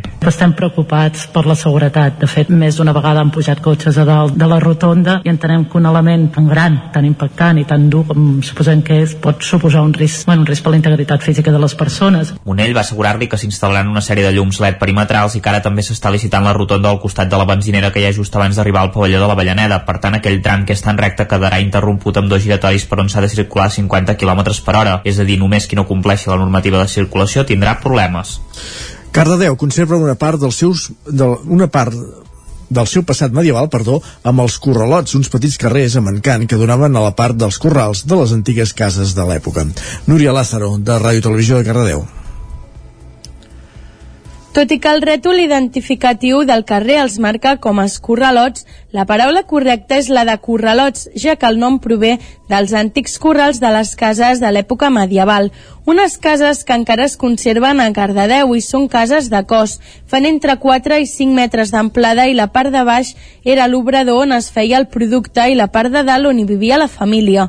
Col·loquialment se'ls coneix com a escorralots, ja que s'escorria tota l'aigua bruta dels corrals daten del segle XII i servien de pas per arribar de les afores al centre del poble o alguna plaça, en el cas de Cardedeu a la plaça de l'Església. És una de les poques coses que es conserven a Cardedeu de l'edat medieval. Marta Núñez, tècnica del Museu Arxiu Tomàs Balvei de Cardedeu.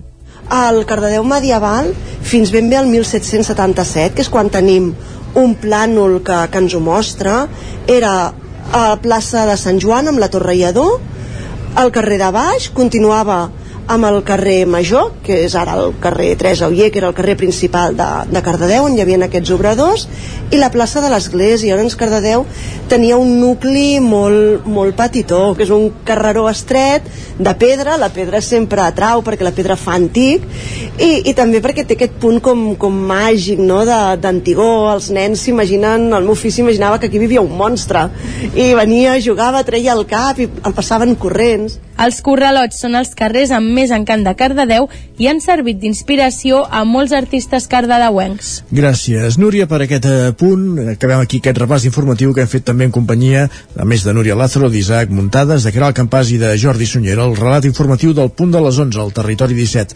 Eh, superat aquest repàs informatiu, el que ens queda és entrar a la darrera hora del territori 17 i tot seguit la comencem amb l'alegria interior en companyia de Jordi Soler.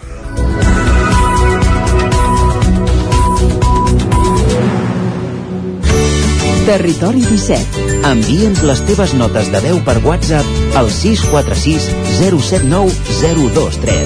646 079 023. WhatsApp Territori 17.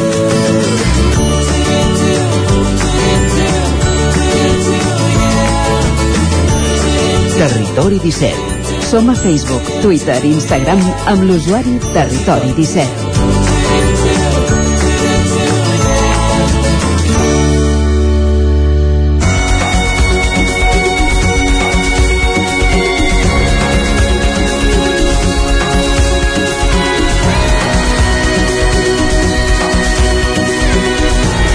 És tornada doncs, de la cita que tenim quinzenal amb en Jordi Soler en aquest espai Alegria Interior per, per conèixer-nos més uns, a uns mateixos. Bon dia, Jordi. Bon dia, Isaac. I per resoldre conflictes interns. I externs. I externs. Tots els que puguem. Molt bé. Però Molt on bé. som avui? On On, som? passem? on passem? Sí, anem, anem fent passos. Eh? Exacte. Vam dir, treballem amb una mica amb el propòsit d'establir aquesta comunicació cap a la nostra part més inconscient, la part desconeguda, aquesta part inaccessible, allà on hi ha la intenció positiva de les coses que a vegades no ens convenen, eh? una cosa que no ens convé, una addicció, no ens convé, però darrere d'aquesta addicció hi ha una intenció positiva, però aquesta intenció positiva a vegades la tenim amagada en aquest espai nostre que, que, bueno, que, que és la nostra part més inconscient, no? A tu primer dit, bueno, i com hi accedim aquí, no? I vaig, bueno, anirem parlant. El joc interior del Timothy Galway ens ensenya una mica que existeix aquesta part i que si la deixem fer, si l'alliberem de la part mental, racional, és quan s'eixampla, és quan pot treballar d'una forma més, més plena i surt aquesta sabidoria natural que portem dins. Això ens ho deia eh, el joc interior del Timothy Galway. Una altra manera d'accedir a aquesta nostra part inconscient, i recordo una mica que la PNL proposa jugar, eh? proposa descobrir, proposa inventar una mica, no? i deixar-se anar. Doncs aquesta nova manera és a través dels somnis Tu, Isaac, somies? Sí, i tant. Recordes els somnis? A vegades, però és un record molt instantani i, i s'esveix ràpidament. Molt bé és que és aquest el tema, eh? precisament el tema és que la majoria de... o sigui, tothom somia hi ha gent que no recorda els somnis i la majoria de la gent els recordem d'aquesta forma més difusa eh? Uh -huh que si més a més no fem un exercici adequat eh, s'esveix molt ràpidament eh? s'esfuma, allò, recordar el que he somiat avui buf, eh, costa. Sí, sí, llavors el fas i, i, i, i et van sortint coses eh? i, dius, i, i t'adones de, de, del surrealisme que hi havia en aquella història exacte, surrealisme, sí senyor els somnis, quan més surrealistes són, més interessants, més informatius són de cara a nosaltres. Clar, si fem una lectura racional d'un somni, no hi trobarem cap explicació si no hi parem atenció, evidentment, doncs, bueno, allò ho podem relacionar amb el que, amb el que ens eh, vingui de gust, però que tampoc serà útil per nosaltres. Clar, aquí estem parlant de connectar amb l'inconscient a través dels somnis, per tant, hi trobar-hi una utilitat, eh? hi, ha, hi ha un propòsit, aquí ja hi ha una direcció. Llavors hi apliquem un petit mètode, perquè això sigui més efectiu, que no, que no caigui allò en sac foradat, no? Vull dir que, que sigui una cosa que puguem, que puguem aprofitar. L'exercici és preparar-nos una mica abans d'anar a dormir, doncs eh, preparar una mica la nostra ment, el nostre cos, no? perquè eh, quan anem a dormir doncs estigui en un cert estat de repòs les zones cerebrals passen per un seguit d'etapes. La etapa de vigília estem amb les zones cerebrals en, en, en fase beta, doncs a mesura que ens anem relaxant, baixem cap alta, cap a theta, fins que quan un cop hem entrat ja en un son profund, estem en, en un estat delta els somnis no estan en estat delta, no estan en l'estat de son profunda, eh? estan en estat theta, estan en estat allò de no vigília, però, però de son lleugera. Doncs preparem el nostre cos abans d'anar a dormir i ens marquem una mica un propòsit del somni. No? Diem, què, què volem obtenir? Hi pot haver una informació mm, que vulguem accedir, que vulguem obtenir, i posem focus una mica en això, què em vull treure, què m'agradaria que em transmetés el meu inconscient a través de, dels somnis d'aquesta nit no? posem aquesta condició simplement, sense, sense anar-hi a buscar més no? dormim és fàcil que hi hagin molts somnis, que apareguin moltes imatges quan ens despertem hem de posar cura de una mica el que dic jo, és una mica un mètode particular, personal, eh, d'enregistrar una mica els somnis abans d'obrir els ulls. Vull dir, aquella fase, clar, si tenim el despertador i ens despertem de sobresalt, això no funciona. Però si fem un exercici allò al cap de setmana, que potser ho podem tenir una mica més, més fàcil, és despertar-nos i dedicar-nos a res, un, dos segons, tres segons, abans d'obrir els ulls, a congelar, a retenir el màxim de somnis, de records possibles d'aquests somnis. I aquests somnis mm, fàcilment ens revelin símbols eh? instantànies, seqüències allò, petits fragments. Això és fàcil, i que n'hi hagin més d'un. Clar, intentar interpretar. Llavors això ho hem de gravar. Ho hem de gravar, vull dir d'intentar recordar-ho, memoritzar-ho diverses vegades abans d'obrir els ulls hi ha gent que té fins i tot un diari de somnis eh? i el que fa, doncs eh, s'aixeca un momentet i els s'escriu abans d'oblidar-los perquè és molt fàcil que al cap d'uns minuts eh, s'acabin oblidant, eh? fins i tot recordant-los en un primer moment, al cap de pocs minuts doncs ja no el recordem, per tant hi ha gent que se'ls s'apunta o, o els gravem, eh? el que sigui l'important és retenir no només les imatges sinó les sensacions d'aquest somni Llavors dius... Jo a vegades una sensació recurrent és que aquell somni ja l'he tingut mil vegades i després mm -hmm. et despertes i dius, però si això no m'ha passat mai. Val. No? És... Doncs és, és un bon moment per fer un treball. Eh? Quan una cosa ve de forma recurrent, uh -huh. és que el teu inconscient està insistint. Eh? Allò de, i tu has de fer alguna cosa. Clar, si el saps entendre, si saps comunicar-t'hi, és fàcil que allò et comporti fer algun canvi a la teva vida, fer algun pas, tenir algun compte, no? Si no la tens, que és el que fa la majoria de gent, eh? és un somni, no hi donem importància, és fàcil que sigui recurrent, és fàcil allò que vagi insistint i que vagi tornant, perquè tens quelcom que caram, que s'ha de resoldre, no? que s'ha de, que de fer. Doncs el que no s'ha de fer és buscar un diccionari de somnis i llegir què diu el significat d'aquell somni perquè els somnis són personals el Carl Jung diu res de sistematitzar vull dir que somni és personal s'ha d'interpretar a nivell personal vull dir, cadascú pot tenir una imatge amb un significat particular. Vull dir que si el teu somni recurrent és eh, estar a la platja i veure un vaixell com travessa per davant teu eh, tindrà un significat particular per tu. De pau, de tranquil·litat o del que sigui, i per una altra persona aquest mateix, aquesta mateixa imatge en tindrà una altra. Per tant, els somnis són personals. Els has de descobrir tu l'autor del somni, eh? vull dir que una persona que t'acompanyi, en aquest sentit un terapeuta, un especialista et pot acompanyar, però no et pot dir mai això vol dir tal cosa, el significat és tal perquè aquí és, eh, aquí és allà on falsifiquem una mica, no? falsegem una mica el, el, el missatge que hi havia implícit. Clar, el missatge és simbòlic, no és literal. Vull dir que saber llegir, saber interpretar els teus propis somnis, un cop has recollit, has memoritzat, i el que més més útil és què m'ha fet sentir això, una sensació d'inseguretat, o de seguretat, o de poder, o, o bé d'anar desorientat, d'anar perdut, no? Llavors, un cop has captat aquesta sensació, un cop has uh, visualitzat molt bé el símbol, has d'intentar veure quina relació guarda amb aquest propòsit que tenies tu quan te'n vas anar a dormir. I tu quan te'n vas anar a dormir vas fer com una petició, no?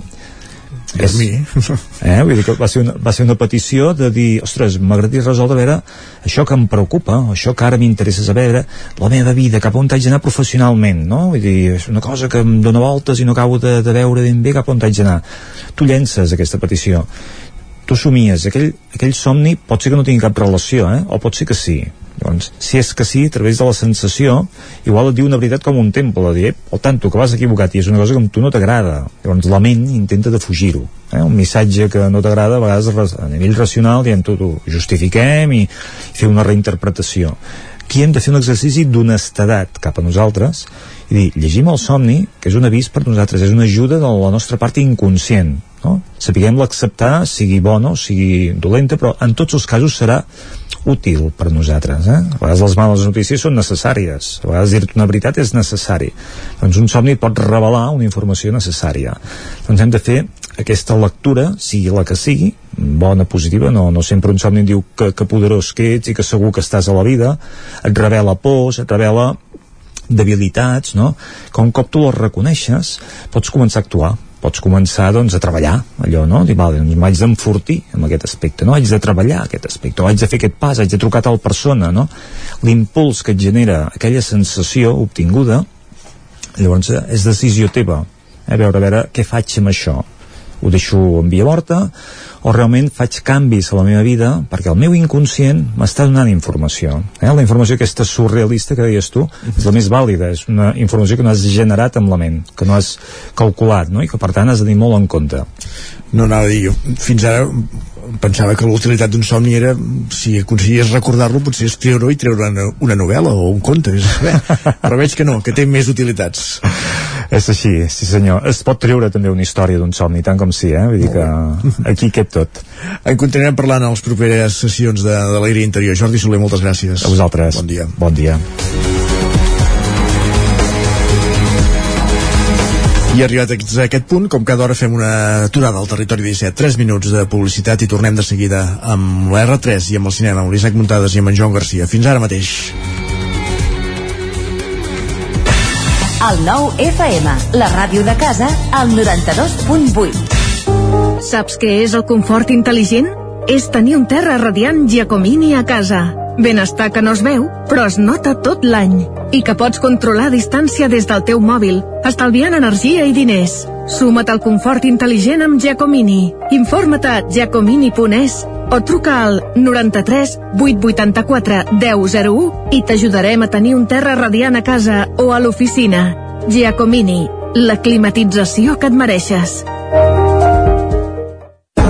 Aquest dijous 28 d'octubre, gran obertura del teu supermercat Lidl a Vic, a la carretera de Sant Hipòlit.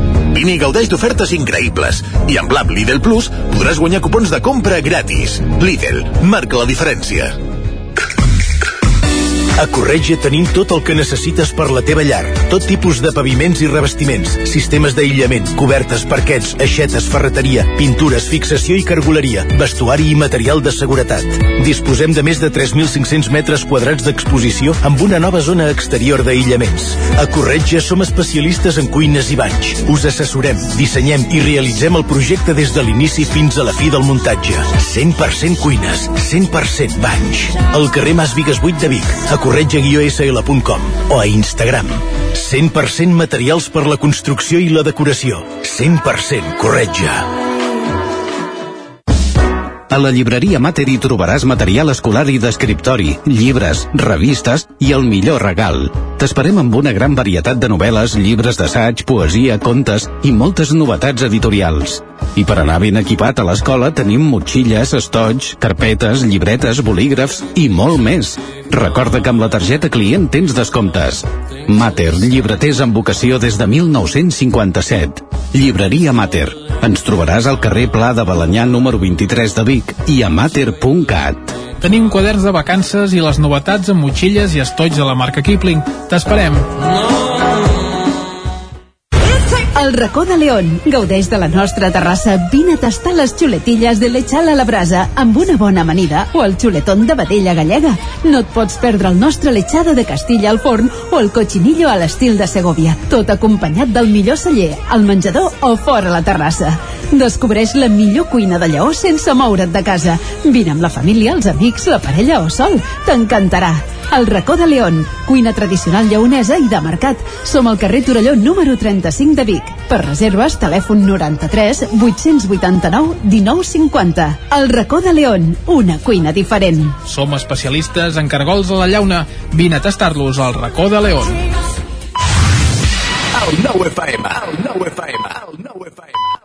Territori 17 A Tren d'Alba. Cada dia els usuaris de la línia R3 de Rodalies que veuen sortir el sol des d'un vagó ens expliquen les gràcies i les penes del primer comboi que uneix Ripoll i Barcelona. Benvinguts a Tren d'Alba. Avui ja acabo de donar-vos la tabarra sobre la taula comarcal per a les infraestructures del Ripollès, que es va celebrar la setmana passada, i ho faig amb una de les intervencions més importants, i és que els usuaris sempre manen. Per això, la porteu de Per què no ens fotin el tren, Montse Iats, va subratllar la voluntat de disposar d'un bon tren amb bons horaris i bon servei. En aquest sentit, va enfatitzar que no només ha de ser útil per connectar el Ripollès amb Barcelona, sinó que també ha de servir per intercomunicar els municipis per on transcorre la línia al llarg del Ripollès i Osona. Iats també va defensar que cal estar permanentment a sobre els responsables perquè el servei sigui eficient. Per la seva banda, el porteu del grup comarcal de la CUP, Àlex Medrano, es va interessar per les millores que podria suposar per a la línia la celebració dels Jocs Olímpics d'hivern del 2030 al Pirineu, la qual cosa, la majoria de presents, va respondre dient que serien benvingudes. Ja us deixo amb la crònica d'en Carles Bassaganya, que avui no està gaire content. Bon dia, oients. Quasi hauria de ser una pregunta. Bon dia.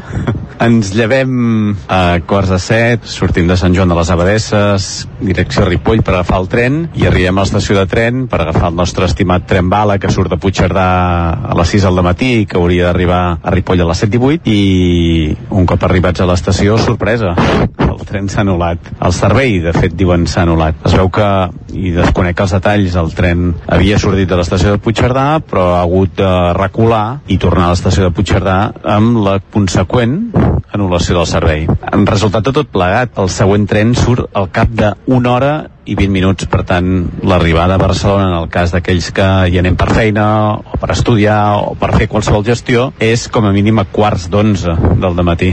Resultat de tot plegat és agafar el cotxe, posar-nos d'acord els passatgers que ens trobem aquelles hores al matí mig adormiscats a l'estació de tren i baixar cap a Vic. Baixar cap a Vic, agafar un tren, agafar el tren més tard i arribar doncs aproximadament entre dos, tres quarts de deu al centre de Barcelona. He començat dient bon dia, ja veieu el motiu de la pregunta. Realment avui serà un bon dia? Mm, bé, ho anirem veient. De moment no ha començat massa bé. Adéu-siau. Suspensió del servei es queden tan amples sense posar busos de substitució perquè els passatgers puguin arribar al seu destí. Sens dubte, és un 10 en la gestió. Evidentment, és ironia. Quin nyap de Renfe. Va, ens retrobem demà amb més històries del tren i de la R3. Territori 17 El 9 FM, la veu de Sant Joan, Ona Codinenca, Ràdio Cardedeu, Territori 17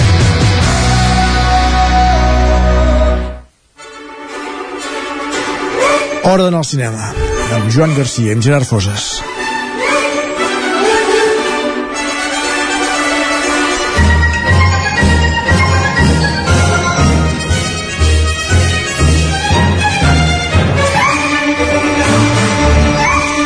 I com sempre, cada setmana amb aquesta música, el Territori 17 i també a la veu de Sant Joan, és moment de connectar amb en Gerard Fosses per saber quines són les estrenes de la setmana. Hola, Gerard.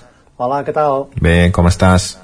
Molt bé, molt bé, a punt d'aquest cap de setmana llarg, no? Gràcies a tots sants, i, i a més a més que és una època guai, eh, perquè gràcies, entre cometes, al Halloween, doncs, diguem que s'ha posat com de moda promocionar el cinema terror per aquestes dates, Mm. i avui, de fet, portem bastant de- d'aquesta temàtica. Suposo que als Estats Units això del Halloween i de les pel·lícules de por ja deu venir de lluny, suposo que ja deuen, es deuen estrenar per aquesta època, no? Però, Sí, clar, sí, fa molts anys no, les estrenes no arribaven l'endemà aquí uh, i, i, i potser les pel·lícules de por es distribuïen durant tot l'any, que sempre n'hi ha també, eh? però vull dir que ara, ara Sí. se n'estrenen moltes, n'hi ha moltes i, i se'n re, se reveuen moltes, eh? Sí, bueno, i que ara hi ha com més tradició de fusionar aquestes dues festivitats, no?, de Castanyada i Halloween, Mm. eh, que tenim la Castanyada que és més gastronòmica i Halloween que és, que és divertida directament, per Mm. tant, Mm. aquesta barreja de folclores doncs també també ajuda. Mm. Molt bé, suposo que això, que hi haurà alguna pel·lícula d'estrena en aquest sentit o, o no? Sí, eh, però si et sembla comencem per, per l'estrena potent d'aquest cap de setmana als cinemes, que no, no és una pel·lícula de terror, eh, però sí que és una pel·lícula d'un director bastant reputat, tot i que porta uns anys amb una carrera, diguem que m- més cap a baixada, eh, però bé, estem parlant de, de Ridley Scott i aquesta última pel·lícula que es titula El último duelo. Solo hay una cuestión que importa. Juráis por vuestra vida que es verdad lo que decís.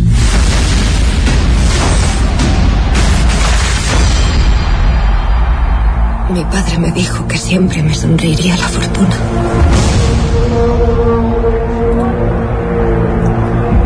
Me casé.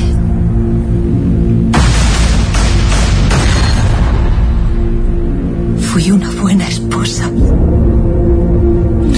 Bé, en tot cas, eh, clar, tampoc amb el tràiler, amb el que senten els nostres oients no es farà una idea, però estem en una època medieval.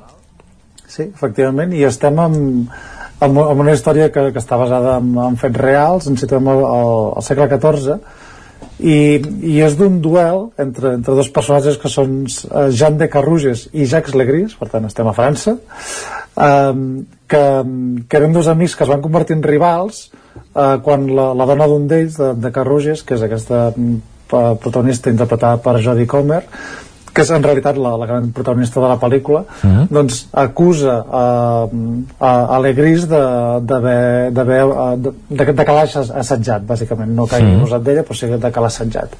I això diem que, que, ja, que comença amb una mena de procés judicial, un trencament de l'amistat, que, que culmina en, en aquest duel, no? Uh, és una pel·lícula d'aquestes fetes com a l'antigua usanza, que, que diríem, que és aquestes pel·lícules molt, molt grans, molt èpiques, una mica sobredimensionada a nivell de temps, perquè són dues hores i, i mitja gairebé, Uh, però bé, és una pel·lícula molt ben narrada, a diferència de últimes, mm, treballs de Ridley Scott que no, no funciona tan bé. Sí que no llueix tant a l'apartat visual, um, però diguem que és una pel·lícula interessant, sobretot uh, això pel nivell de la producció, uh, pels actors, no? Aquesta, hem comentat Jodie Comer, però també tenim en el repartiment masculí a Matt Damon, Adam Driver, Ben Affleck, no? És un, mm -hmm. un trio bastant potent. Um, I que, que és com una manera de traslladar a l'època actual um, diguem en aquesta època de, del Me Too i, i d'intentar com ressaltar el feminisme i aquest revisionisme del passat aquí es fa d'una manera molt, molt natural i crec que és la, la manera interessant doncs, d'encaixar de, aquests temes i de, de revisionar coses que passaven en el passat eh, des d'una perspectiva actual no? mm. està molt modernitzat i, i en el fons és això, és una pel·lícula bastant interessant de Ridley Scott i segurament de, del millor que ha entregat els últims anys I, per mi la seva última pel·lícula bona és de Martian, que és del mm. 2015 per tant tenim aquí ja un, un temps de prudent mm. eh, de, de coses no tan interessants diguem. en tot cas potser en aquella època el que va passar o el judici o això era més, més que res perquè la dona era propietat d'un home sí. i l'altre l'havia intentat eh, eh, doncs això beneficiar-se'n però entenc, sí, sí. entenc que, que clar, no, no, suposo que no és el mateix no, no, és, no, és, no hi havia aquest, aquest esperit de, de dona lliure i de, i de que la perjudicada era ella i era ella qui s'havia de defensar, sinó suposo que era més un, un tema de propietat, no?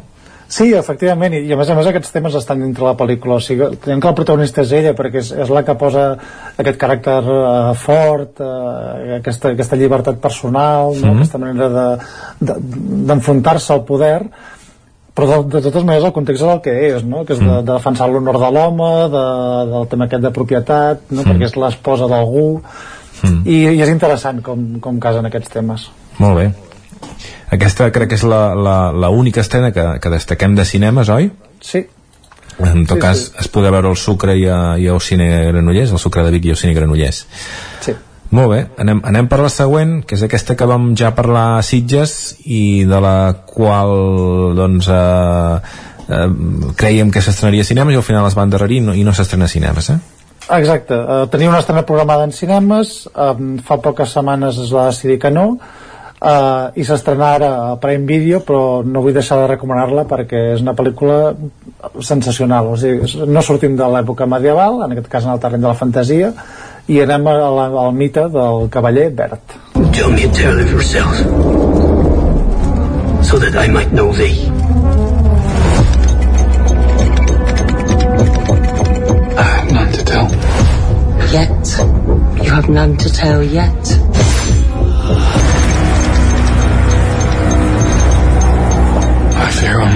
For greatness. We all fear.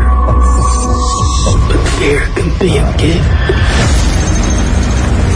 Bé, jo que estic veient el trailer tampoc sé exactament per com va la cosa, no? Recordo això, un, un, un monstre com fet de, de un arbre monstre, no? Que, que desafia un dia a, a, a aquest que ha de ser príncep o no? O alguna cosa així i, però clar, hi ha, hi ha moltes imatges, hi ha moltes històries, moltes coses diferents, no, no, no sé per on va i tu que l'has vist ens hauries d'orientar.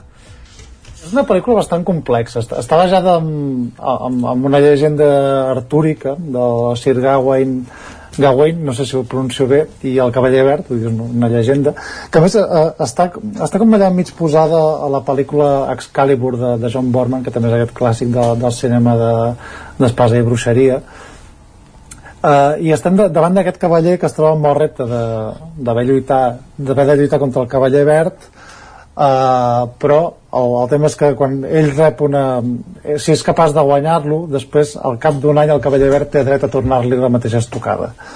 El problema és que el Sir Gawain quan s'enfronten doncs aconsegueix tallar-li el cap al cavaller verd i per tant al cap d'un any aquest cavaller verd li ha de, li ha de poder tallar el cap a, a Sir Gawain, no? Uh -huh. uh, aquesta història que al final és... Perquè pregunto, dir, di, escolta, no, no cal, no passa res, no, no hi era, no? No, uh, no... no, no sembla una opció amb aquestes sí. coses de, de l'honor medieval no... T'hi has d'enfrontar, t'hi havies d'enfrontar sí o sí el que li fessis t'ho faria ell al cap d'un any exacte, també no haver-li tallat, tallat el cap potser, uh -huh. uh, però bueno diguem de, aquesta base de, de llegenda Clar, perdona, eh, perdona que m'hi posi una altra vegada eh, però entenc això que si pen, igual li talla el cap i pensa, mira, així segur que no torna l'any que ve no? però no és el que passa però, home, és que, és que és un monstre mitològic que, sí, sí, que vols fer, no? sí, sí.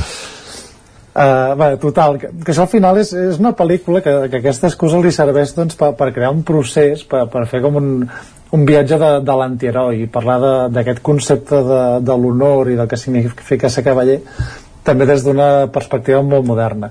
Dic, és una pel·lícula molt enigmàtica, està narrada per capítols, que a més, és, més és, és molt curiós de la manera estèticament com entren els títols dels capítols, no? allà barrejats enmig de, de la pantalla, i és aquest, aquest viatge de, de Sir Gawain cap a, cap a aquesta trobada nova amb el, amb el cavaller verd no? I, i, i parla una mica d'aquest sentit metafòric de, de com un, un cavaller perd el cap i està relacionat amb les llegendes artúriques de quan el rei Artur ja gran doncs, va enviar tots els seus cavallers a, a trobar el Sant Grial uh, i com uh, tots uh, es, van, es van anar perdent van anar caient a la bogeria i tot plegat. Mm -hmm a, a nivell, més a més, eh, és una pel·lícula d'una producció molt potent, per això és, és estrany que, que es vagi directament a plataformes, perquè realment és a nivell d'efectes de, visuals, de fotografia, mm, vestuari, o sigui, és una cosa absolutament sensacional, a més a més molt, molt modernitzada, i és una pel·lícula que consolida un director com David Lowry, que, que a mi em sorprèn perquè és un director capaç de fer animació, és capaç de fer drames, capaç de fer una pel·lícula de fantasmes romàntica com a Ghost Story, i ara ve aquesta gran fantasia èpica medieval no?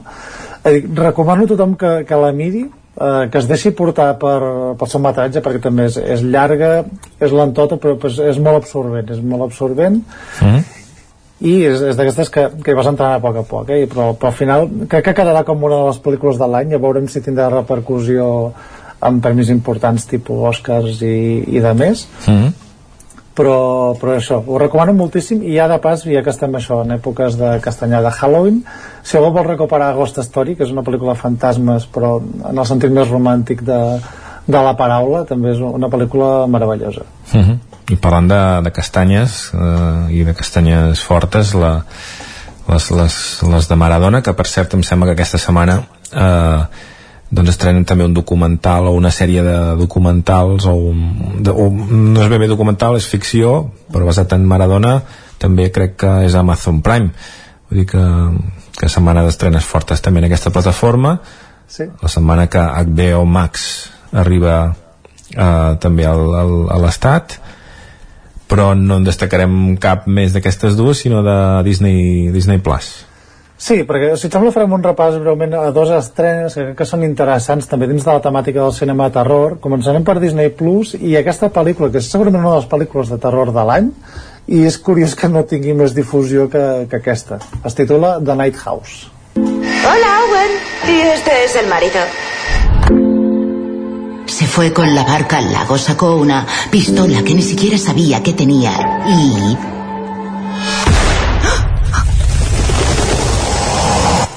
En su nota me decía, ya estás a salvo. ¿A salvo de qué? No lo sé. Creía que no teníamos secretos. Todos tenemos secretos.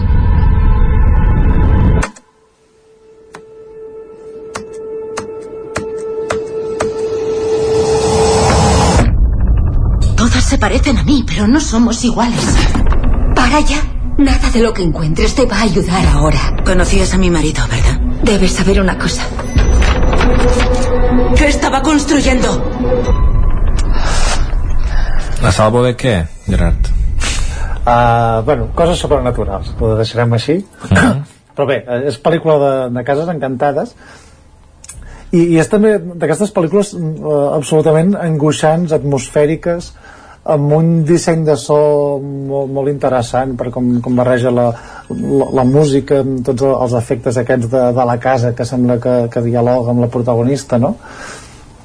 i aquí aquesta protagonista que també és destacada Rebecca Hall l'hem vist per exemple en pel·lícules de, de Woody Allen entre altres um, és una, una dona que s'ha quedat viuda uh, el seu marit ha mort en estranyes circumstàncies ha deixat una nota eh, no se sap si és que s'ha suïcidat o, sempre, o ha desaparegut o què ha passat i ella doncs decideix òbviament eh, investigar-ho.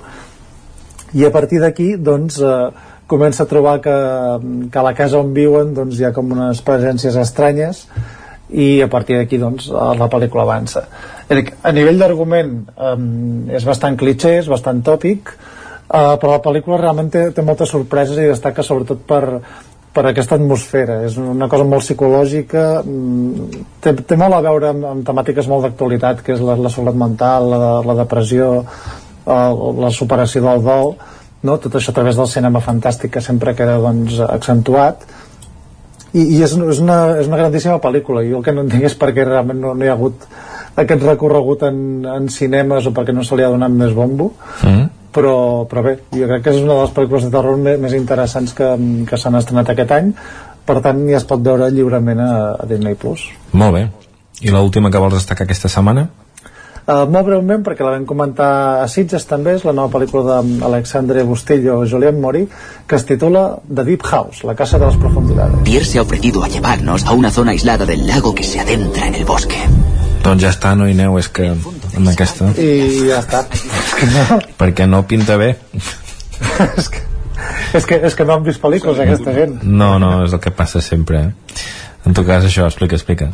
A veure, eh, és una proposta de cinema de terror 100% mm, honesta. O sigui, és, eh, et dona exactament el que vas a veure i a més a més té aquest gir de premissa interessant eh, diguem està en el terreny de fan footage vale? que és d'aquestes pel·lícules que està gravada pels protagonistes no? de càmera en mà estil Blair Witch Project perquè ens entenguem mm -hmm. i són una parella que es dedica a investigar llocs paranormals i descobreixen que hi ha una casa enfonsada en un llac eh, que diuen doncs, que allà hi van succeir certes coses i tal i, i l'interessant és que és una pel·lícula de cases encantades però que passa sota l'aigua mm -hmm. Uh, i a partir d'aquí doncs bé, doncs el de sempre ensurts, uh, fantasmes, esperits um, persecucions per dintre de la casa uh, però, però és molt interessant com està rodat a nivell estètic a més a més la, la pel·lícula és curta no dura més del que ha de durar i tot el que són els ensurts, l'estètica de la pel·lícula funciona la mar de bé mm. uh, no hi ha temps perquè es faci avorrida per tant, uh, tres punts per, per aquesta gent que també des de l'interior porten ja una filmografia bastant llarga uh, tot abocada al desastre i aquí dius, ostres, finalment torna a treure una pel·lícula doncs, uh, més o menys sòlida mm. o sigui que ho celebrem i recomanem que també entrin alguna marató d'aquestes que es pugui fer per, per Halloween mm. a més a més també suposo que que això trencant l'estereotip de ai, un monstre, me'n vaig corrents perquè aquí no poden marxar corrents no, aquí hem de marxar nedant com mm. puguin sí, bàsicament sí. Molt bé, uh, ara vas fer un repàs de, abans de, de, de repassar la, la cartellera de, de cinemes de, del nostre territori, vols parlar de festivals? Sí, és, és per comentar que ja que tenim una gran oferta online, no? que aquest cap de setmana doncs tirem per aquí, eh, comentar que, que, que es, comencen dos festivals que, que a mi personalment m'encanten. Eh, un és el Festival Albifiter Inèdit, eh, documental, bueno, Festival de Cinema Documental Musical de, de Barcelona, que, que se celebra presencialment a Barcelona, al Cinema Garibau, però que també se'n pot veure una, una selecció de la programació eh, a Filmin, i l'altre festival és que és el festival de terror de Molins de Rei Molins Horror Film Festival que eh, justament avui arrenca la seva programació eh, diguem digital eh, el, també al portal de, de Filmin amb una programació molt extensa amb moltíssimes estrenes. El festival també se celebrarà presencialment eh, ja ho comentarem a partir de, de la setmana que ve. Però només de que filmin això hi ha una selecció magnífica de, de pel·lícules, de documentals eh, pel·lícules d'estrena a la secció Videodrom i una secció que, que es diu Remember que l'han incorporat aquest any que són pel·lícules destacades d'altres anys que han passat pel festival. I aquí realment hi ha títols sensacionals. O sigui, hi ha pel·lícules com Found que va guanyar el festival crec que va ser el 2012-2013 una pel·lícula molt petita però realment terrorífica. Um, Tragedy Girls que és com a slasher modern segurament és, és dels més interessants. També pel·lícula de fa uns 4 anys més o menys. Uh -huh. uh, tenim The Witch in the Window també pel·lícula de, de cases encantades amb una bruixa pel·lícula de molt baix pressupost però molt ben narrada. Uh, no sé, ara en destacaria més per exemple Modus Anomaly que també ha jugat una mica amb els viatges en el temps pel·lícules d'aquestes que provenen de, del cinema indonesi.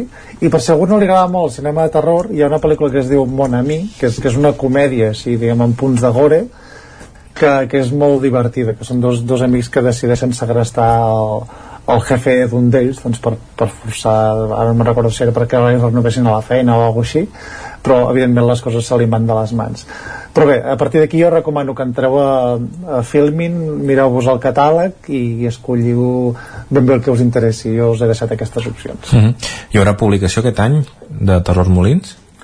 Uh, aquest any no hi ha llibre però hi ha un, un fanzine perquè aquest any el, la temàtica del festival està a, a la contracultura a la contracultura a Espanya i s'editarà en bueno, realment és, és com un llibre perquè és així de totxos però s'edita en un format fanzine bastant gran on, on es fa un repàs a la trajectòria i a diverses pel·lícules destacades de, del món de la contracultura eh, a Espanya mm. eh, destacant autors com, com Vigas Luna com Ivan Zulueta, de la Iglesia Pere Portabella també que vindrà al festival a presentar el Vampir de Cook però això és un tastet perquè jo crec que ja en parlarem la setmana que ve que és quan realment arrenca el, el festival presencial Molt bé doncs anem a fer un repàs a la cartellera del nostre territori, el cinema Comtal de Ripoll, la família Adams 2, d'animació, eh, i Mediterràneo.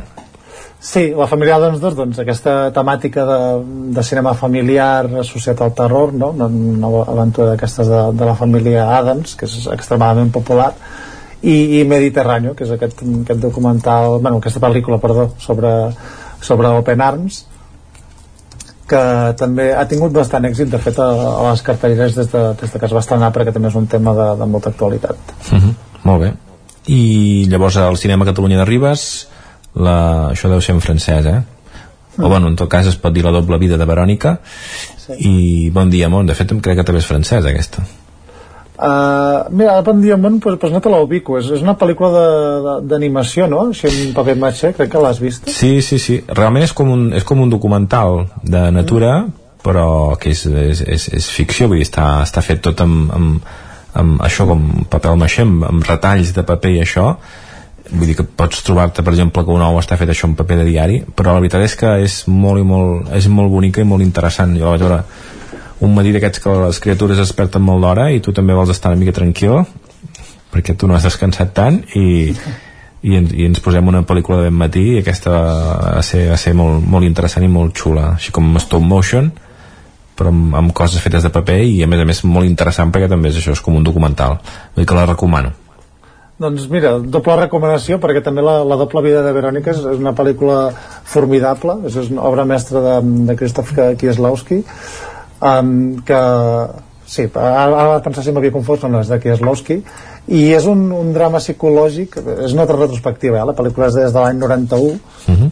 i és sobre dues noies que tenen el mateix aspecte físic que, que viuen en llocs diferents eh, però que estan connectades perquè tenen experiències vitals similars tenen la, la mateixa malaltia cardíaca i diguem que és una història així molt enigmàtica d'aquestes pel·lícules realment misterioses no? per, per qui li agrada aquest, aquest tipus de cinema que a mi personalment m'encanta eh, sobre les connexions que, que hi ha entre elles no? i aquesta fusió de personalitats eh, malgrat la distància eh, jo dic, és una pel·lícula mm, meravellosa que, que recomano moltíssim però també s'ha d'entendre que és d'aquell cinema que sé per fans de, de David Lynch, de això, Fellini, Von Trier i, i aquestes coses diguem més més complicades i, i més absorbents i més impactants també. Molt bé.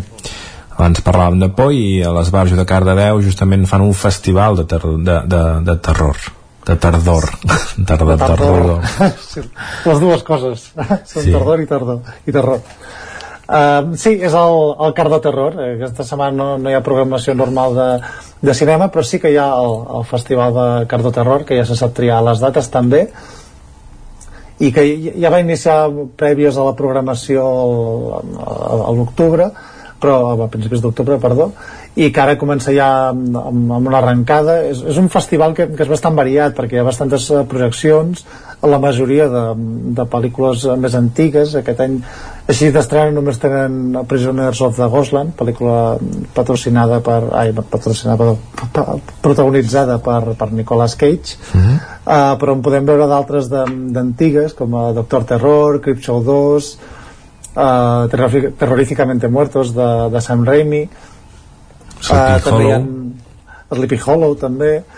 Uh, però bueno, um, també és, és tot està combinat amb, amb xerrades i assassins de curtmetratges um, és un festival que, que no porta molts anys però que ja està consolidadíssim i, i per tant això també la, la gent que estigui propera doncs que, que s'hi apropi perquè s'han de cuidar aquest tipus d'activitats. Uh -huh. Molt bé, sembla que també perquè veig, eh, ara està veient la, la, la programació que, que hi ha una pel·lícula que es diu Talent Local que, que la, és en l'Escuridà i que la fa Aleix Cànovas que no sé, suposo que deu ser és, és de Cardedeu, per tant que que també hi ha, també tenen producció local. No? Mira, mm. aquesta persona m'havia passat per alt doncs. mm. i ja per últim el cercle Can de Benolenc Sí, perquè hem passat per alt altres cines com el Terra Torelló, que és el Camprodoní, que és el de Gràcia de Matlleu, perquè no, no hi ha programació cap de setmana, però el Cercle Can de Benolenc, que no, no és un cine, és un, un edifici, una entitat de, del poble de Can de Bano, eh, sí que es fa programació cinematogràfica, també amb temàtica de Halloween, i és el, el 31 d'octubre. A les 5 de la tarda hi ha cinema familiar amb, amb Hotel Transilvània eh, pel·lícula així de, de terror molt, molt divertida. I llavors eh, 4 hores de terror a partir de, de les 9 del vespre amb pel·lícules no anunciades. Per tant és eh, anar-hi i sorprendre's. Mm. Molt bé. Doncs escolta, moltíssimes gràcies. Moltes gràcies a vosaltres. I fins la setmana vinent, que vagi molt bé. Vinga, que vagi molt bé, adeu-siau adeu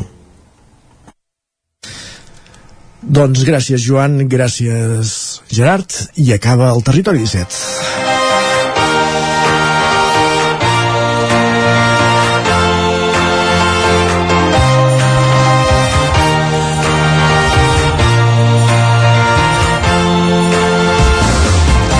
Amb el cinema arribem al recte final d'un programa més. Avui us hem fet companyia des de les 9 del matí Jordi Givert, Caral Campàs, Pepa Costa, Guillem Sánchez, Òscar Muñoz, Isaac Muntades, Maria López, Núria Lázaro, Jordi Soler, Gerard Foses, Joan Garcia, i Jordi Sunyer i Isaac Moreno.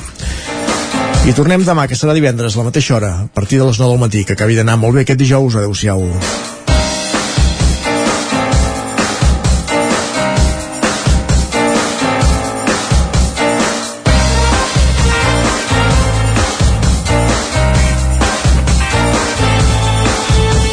Territori 17, un magazín del nou FM. La veu de Sant Joan, Ona Codinenca i Ràdio Cardedeu amb el suport de la xarxa. El nou FM.